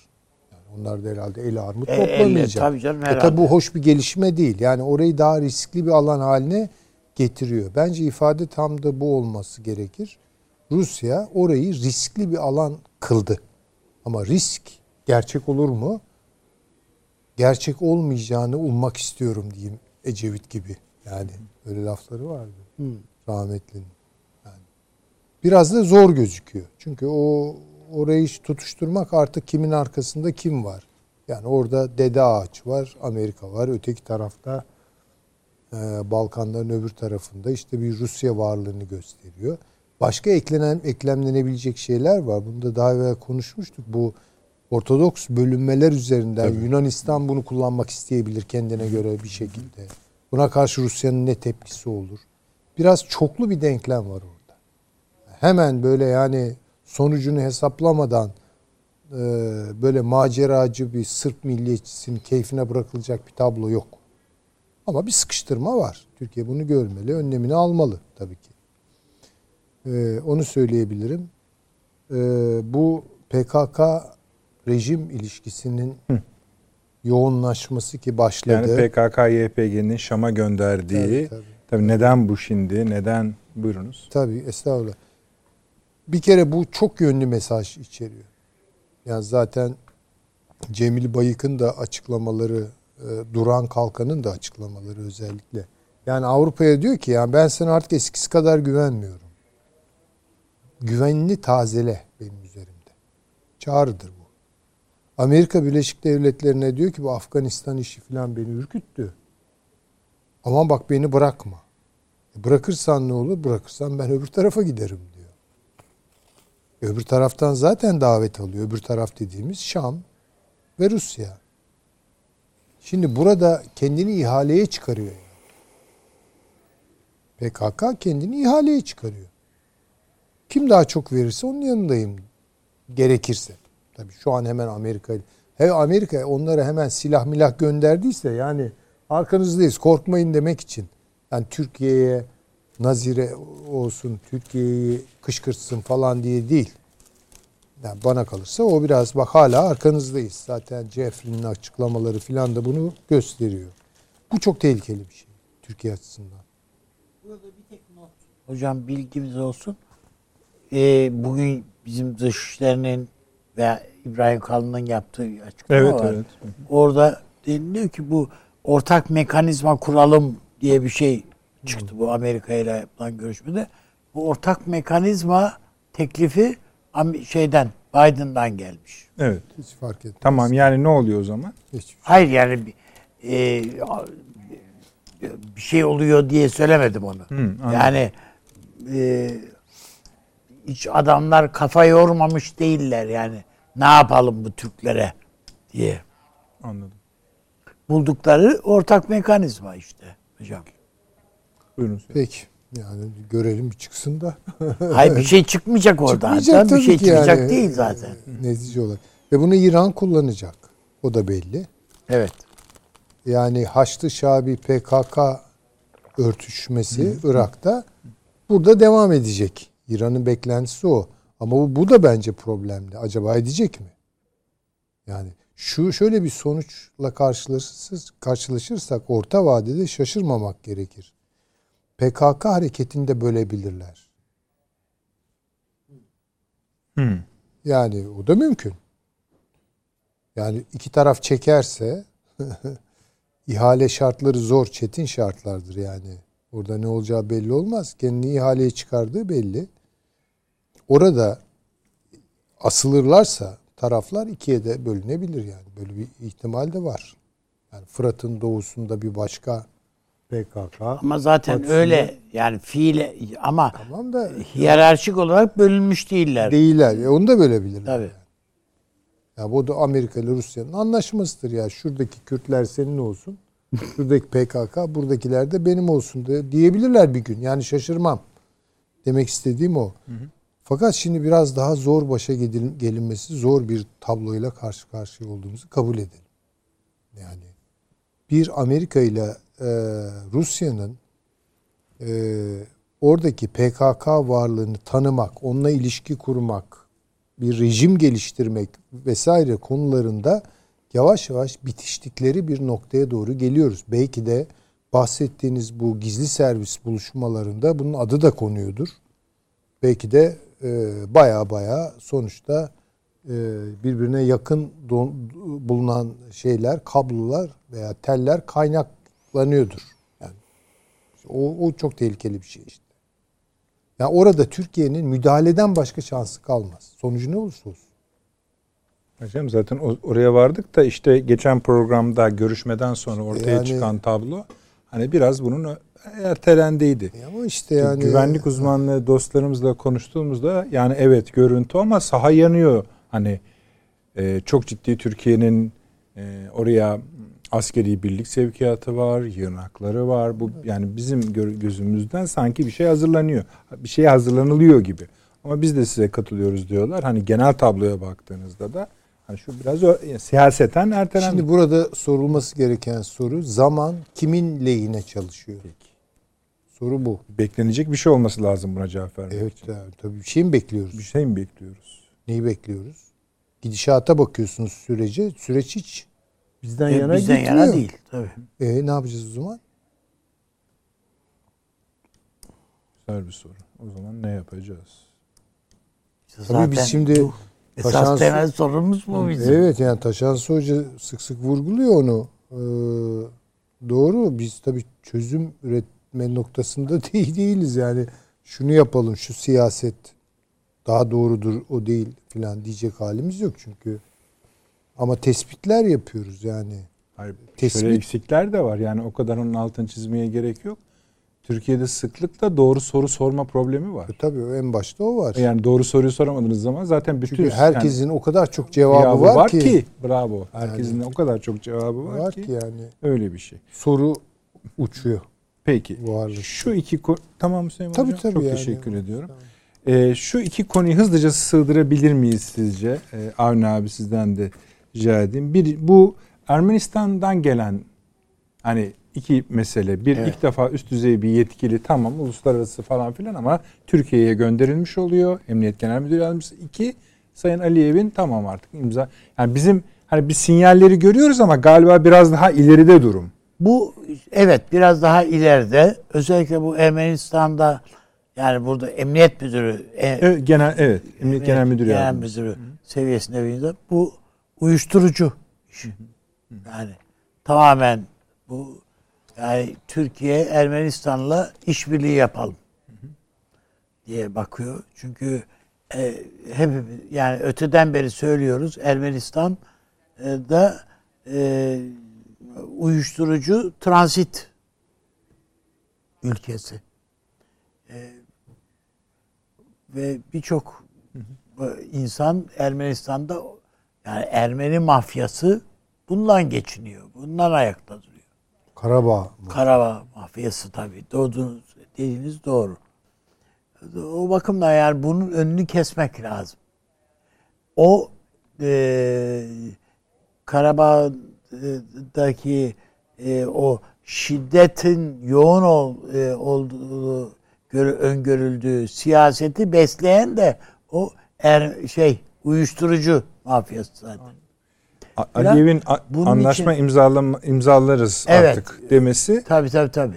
Yani e, belli ki Ermenistan'dan da buna karşılık bir, olumlu bir takım sinyaller geldi ki zaten Aliyev bu açıklamayı yani yanlış yapıyor. hatırlamıyorsam ifade artık barış anlaşması imzalayabiliriz. Şimdi barış anlaşmaları O diye bir ayrı geldik. kategori var mı var mı bilmiyorum ama biliyoruz ki o bunlar bayağı düzenleyici e, Evet. anlaşmalardır. Yani şu noktada bu her o coğrafyada herkesin yani Rusya'nın da Türkiye'nin de Ermenistan'ın da Azerbaycan'ın da elini rahatlatacak bir şey. Burada canı ya- yani kendi, rahatsızlık ra- duy- duyan bir tek İran. Peki. O kadar. Hüseyin Hocam sizden de kısa bu konudaki görüşlerinizi alabilirim. Yani bir anlaşmaya yaklaşılmış olması, düzenleyici olmasıyla ben çok ben çok ilgileniyorum. Çünkü o bölgenin bir sutre oluşturduğunu düşünüyorum ben. E, tabii ki çok önemli yani ona hiç şüphe yok da orada Taşansı Hoca'nın kurduğu bağlantılar çok önemli. Tabii o Hazar meselesi, İran-Rusya ilişkileri çok önemli. İran-Ermenistan ilişkileri. Orada bir İsrail var. Onu da söyleyelim yani şu ya da bu ölçüde. Nerede yok ki? Bakın Sudan'da var. E, işte yani bakın ama Azerbaycan'da da var. Evet. Ve biz bunu söylüyoruz başından beri. Evet. başından beri söylüyoruz. O zaman yani Rusya ile özellikle nerelerde İsrail bu konuda anlaşıyor? Mesela Rusya buna ne diyor? Evet görünürde iyi diyor. Devam edin. İşte, işte İran'ı baskılamak, Hazar Anlaşması'na onu mahkum etmek, mecbur kılmak. Tamam bu bir yere kadar. Ama çok mu sindirebileceği bir şeydir bu Rusya'nın? Yani ben çok emin değilim ondan. İsrail bunu nasıl kullanacak? Türkiye-İran geriliminde veya İran-Azerbaycan geriliminde. Onu da bilmiyoruz. Yani çok böyle işte hani bir şeyle çevrelenmemiş ve tek başına gelişen bir şey olsa ben bunu çok öpüp başıma koyacağım da Hal o buna hal ne değil. müda- ne tarz müdahaleler olabilir, nereden ondan çok emin olamıyorum tabii ki. Peki. Tamam, konuşabiliriz. Bunu Ee, çok konuşabiliriz. Şüphe ya. edip Hani işte ettiğim şeyleri ama bir ana an konuların yanında kendisi küçük olmayan küçük konularımızı da hani en azından fikir verelim için Onun için mesela şu anda Taşan Hoca'ya soracağım o küçük kısa soruda bu bağlamda bu soruyu sormuyorum size Taşan Hoca. Şuna ne yapılabilir diye soruyorum. Bizi bu S-400'ler konusunda hani artık yapmadıklarını bırakmadılar ya. Hindistan biliyorsunuz bizi çok takip etmişti. Türkler de bizim gibi S-400 alacaklar. Onların başına gelenlere bakarak biz de S-400 alıp almamaya karar verelim diye. Şimdi Amerika Birleşik Devletleri Hindistan'a hiçbir şey yapmayacağız. S-400'leri alabilirler mealinde bir Katsanın çalışma. dışında bırakacağız. Tabii katsanın dışında bırakalım yaklaşım. Biz de e, Amerika Birleşik Devletleri'nin bu uygulaması nedeniyle neyin dışında bırakabiliriz? Kontra Şimdi soru. efendim Balkanlarda e, Rusya'nın yaptığı şey diye başlayayım. Balkanlarda Kaç- Rusya'nın yaptığı kaçmayacaksınız şey bir şekilde sorudan? Atlantik Peki. Paktı içinde. e, yo son en son söyleyeyim. Tabii, tabii, buyurun. Balkanlarda Şaka yani. Rusya'nın asıl yapmak istediği şey bir şekilde Atlantik Paktı içinde bir ayrışma yaratmak. Yani e, Batı Balkanlar bölgesine baktığınızda burada Alman etkisini görürsünüz. Hırvatistan şu an arada görünüyor eski Yugoslavya Cumhuriyetlerinden ancak Slovenya'da çok ilginç gelişmeler var. Slovenya'da çok farklı bir iç siyasi yapı var. Çok iyi incelenmesi lazım. Şimdi orada e, Almanya ile Amerika'yı birbirine düşürüyor aslında. Yani Bosna ve eski Yugoslavya coğrafyasına kim etkili olacak yarışına sokuyor bu ikisini orayı istikrarsızlaştırarak. Artı tehdit ediyor. Birinci amacı bu. E, İkinci amacı gerekirse yakarım demek. O, o, o da birinciyi güçlendiriyor. Kafkasya'ya dair Ermenistan'ın bu e, yakınlaşma e, girişimlerini zaten geçen Kasım ayından beri yani bir yıldan beri söylüyoruz biz sizin programınızda. E, Burada adamın yaptığı şey gayet belliydi e, Sayın Başbakan'ın, Ermenistan Başbakanı'nın. Bu sürdürülemez e, bir durumdu. Ben normalleşmek istiyorum dedi ve kontrollü bir şekilde gerçekten kaybetti. Toprak kaybetti ama ülkeyi kazanmaya çalıştı. Son derece saygıdeğer buluyorum ben tavrını. E, Türkiye'nin de buna el uzatacağını düşünüyorum. Orada birinci mesele İran'dır.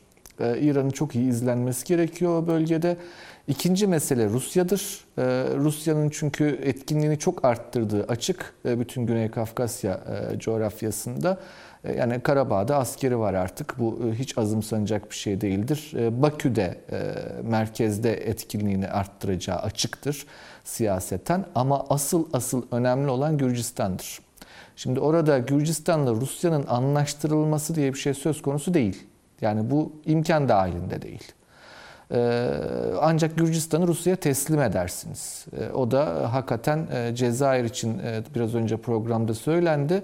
O da bir 100 yıl kadar ondan sonra ondan dolayı utanırız biz de Türkler olarak. Dolayısıyla Gürcistan orada olduğu müddetçe e, Rusya konusu önemlidir. Orada bir altılı mekanizma Gürcistan'dan dolayı, Gürcistan-Rusya ilişkilerinden dolayı mümkün değildir. Onun yerine başka ara çözümler bulunması gerekecek. E, Kafkasya'ya dair onu söyleyeyim. Bu S-400'ler Hindistan konusunda efendim uluslararası politika böyle bir şeydir. E, Hindistan çok büyük bir ülke. Çin'i dengeleyebilecek hem Tabii, nüfus asıl hem iş o yani. olarak hem de askeri olarak e, çok büyük bir ülke. Son derece önemli bir ülke. Biraz önce de söyledim hani Gantz'ın Singapur ziyaretinde o çerçevede değerlendirin lütfen. Orada yeni bir ticaret yolu oluşumunun yanında açık bir şekilde mevziler oluşuyor e, şu an Pasifik bölgesinde. Hindistan bunun kilit taşı. E, Dolayısıyla yani e, işte birkaç batarya S-400'den dolayı kimse Hindistan'a hiçbir şey demez.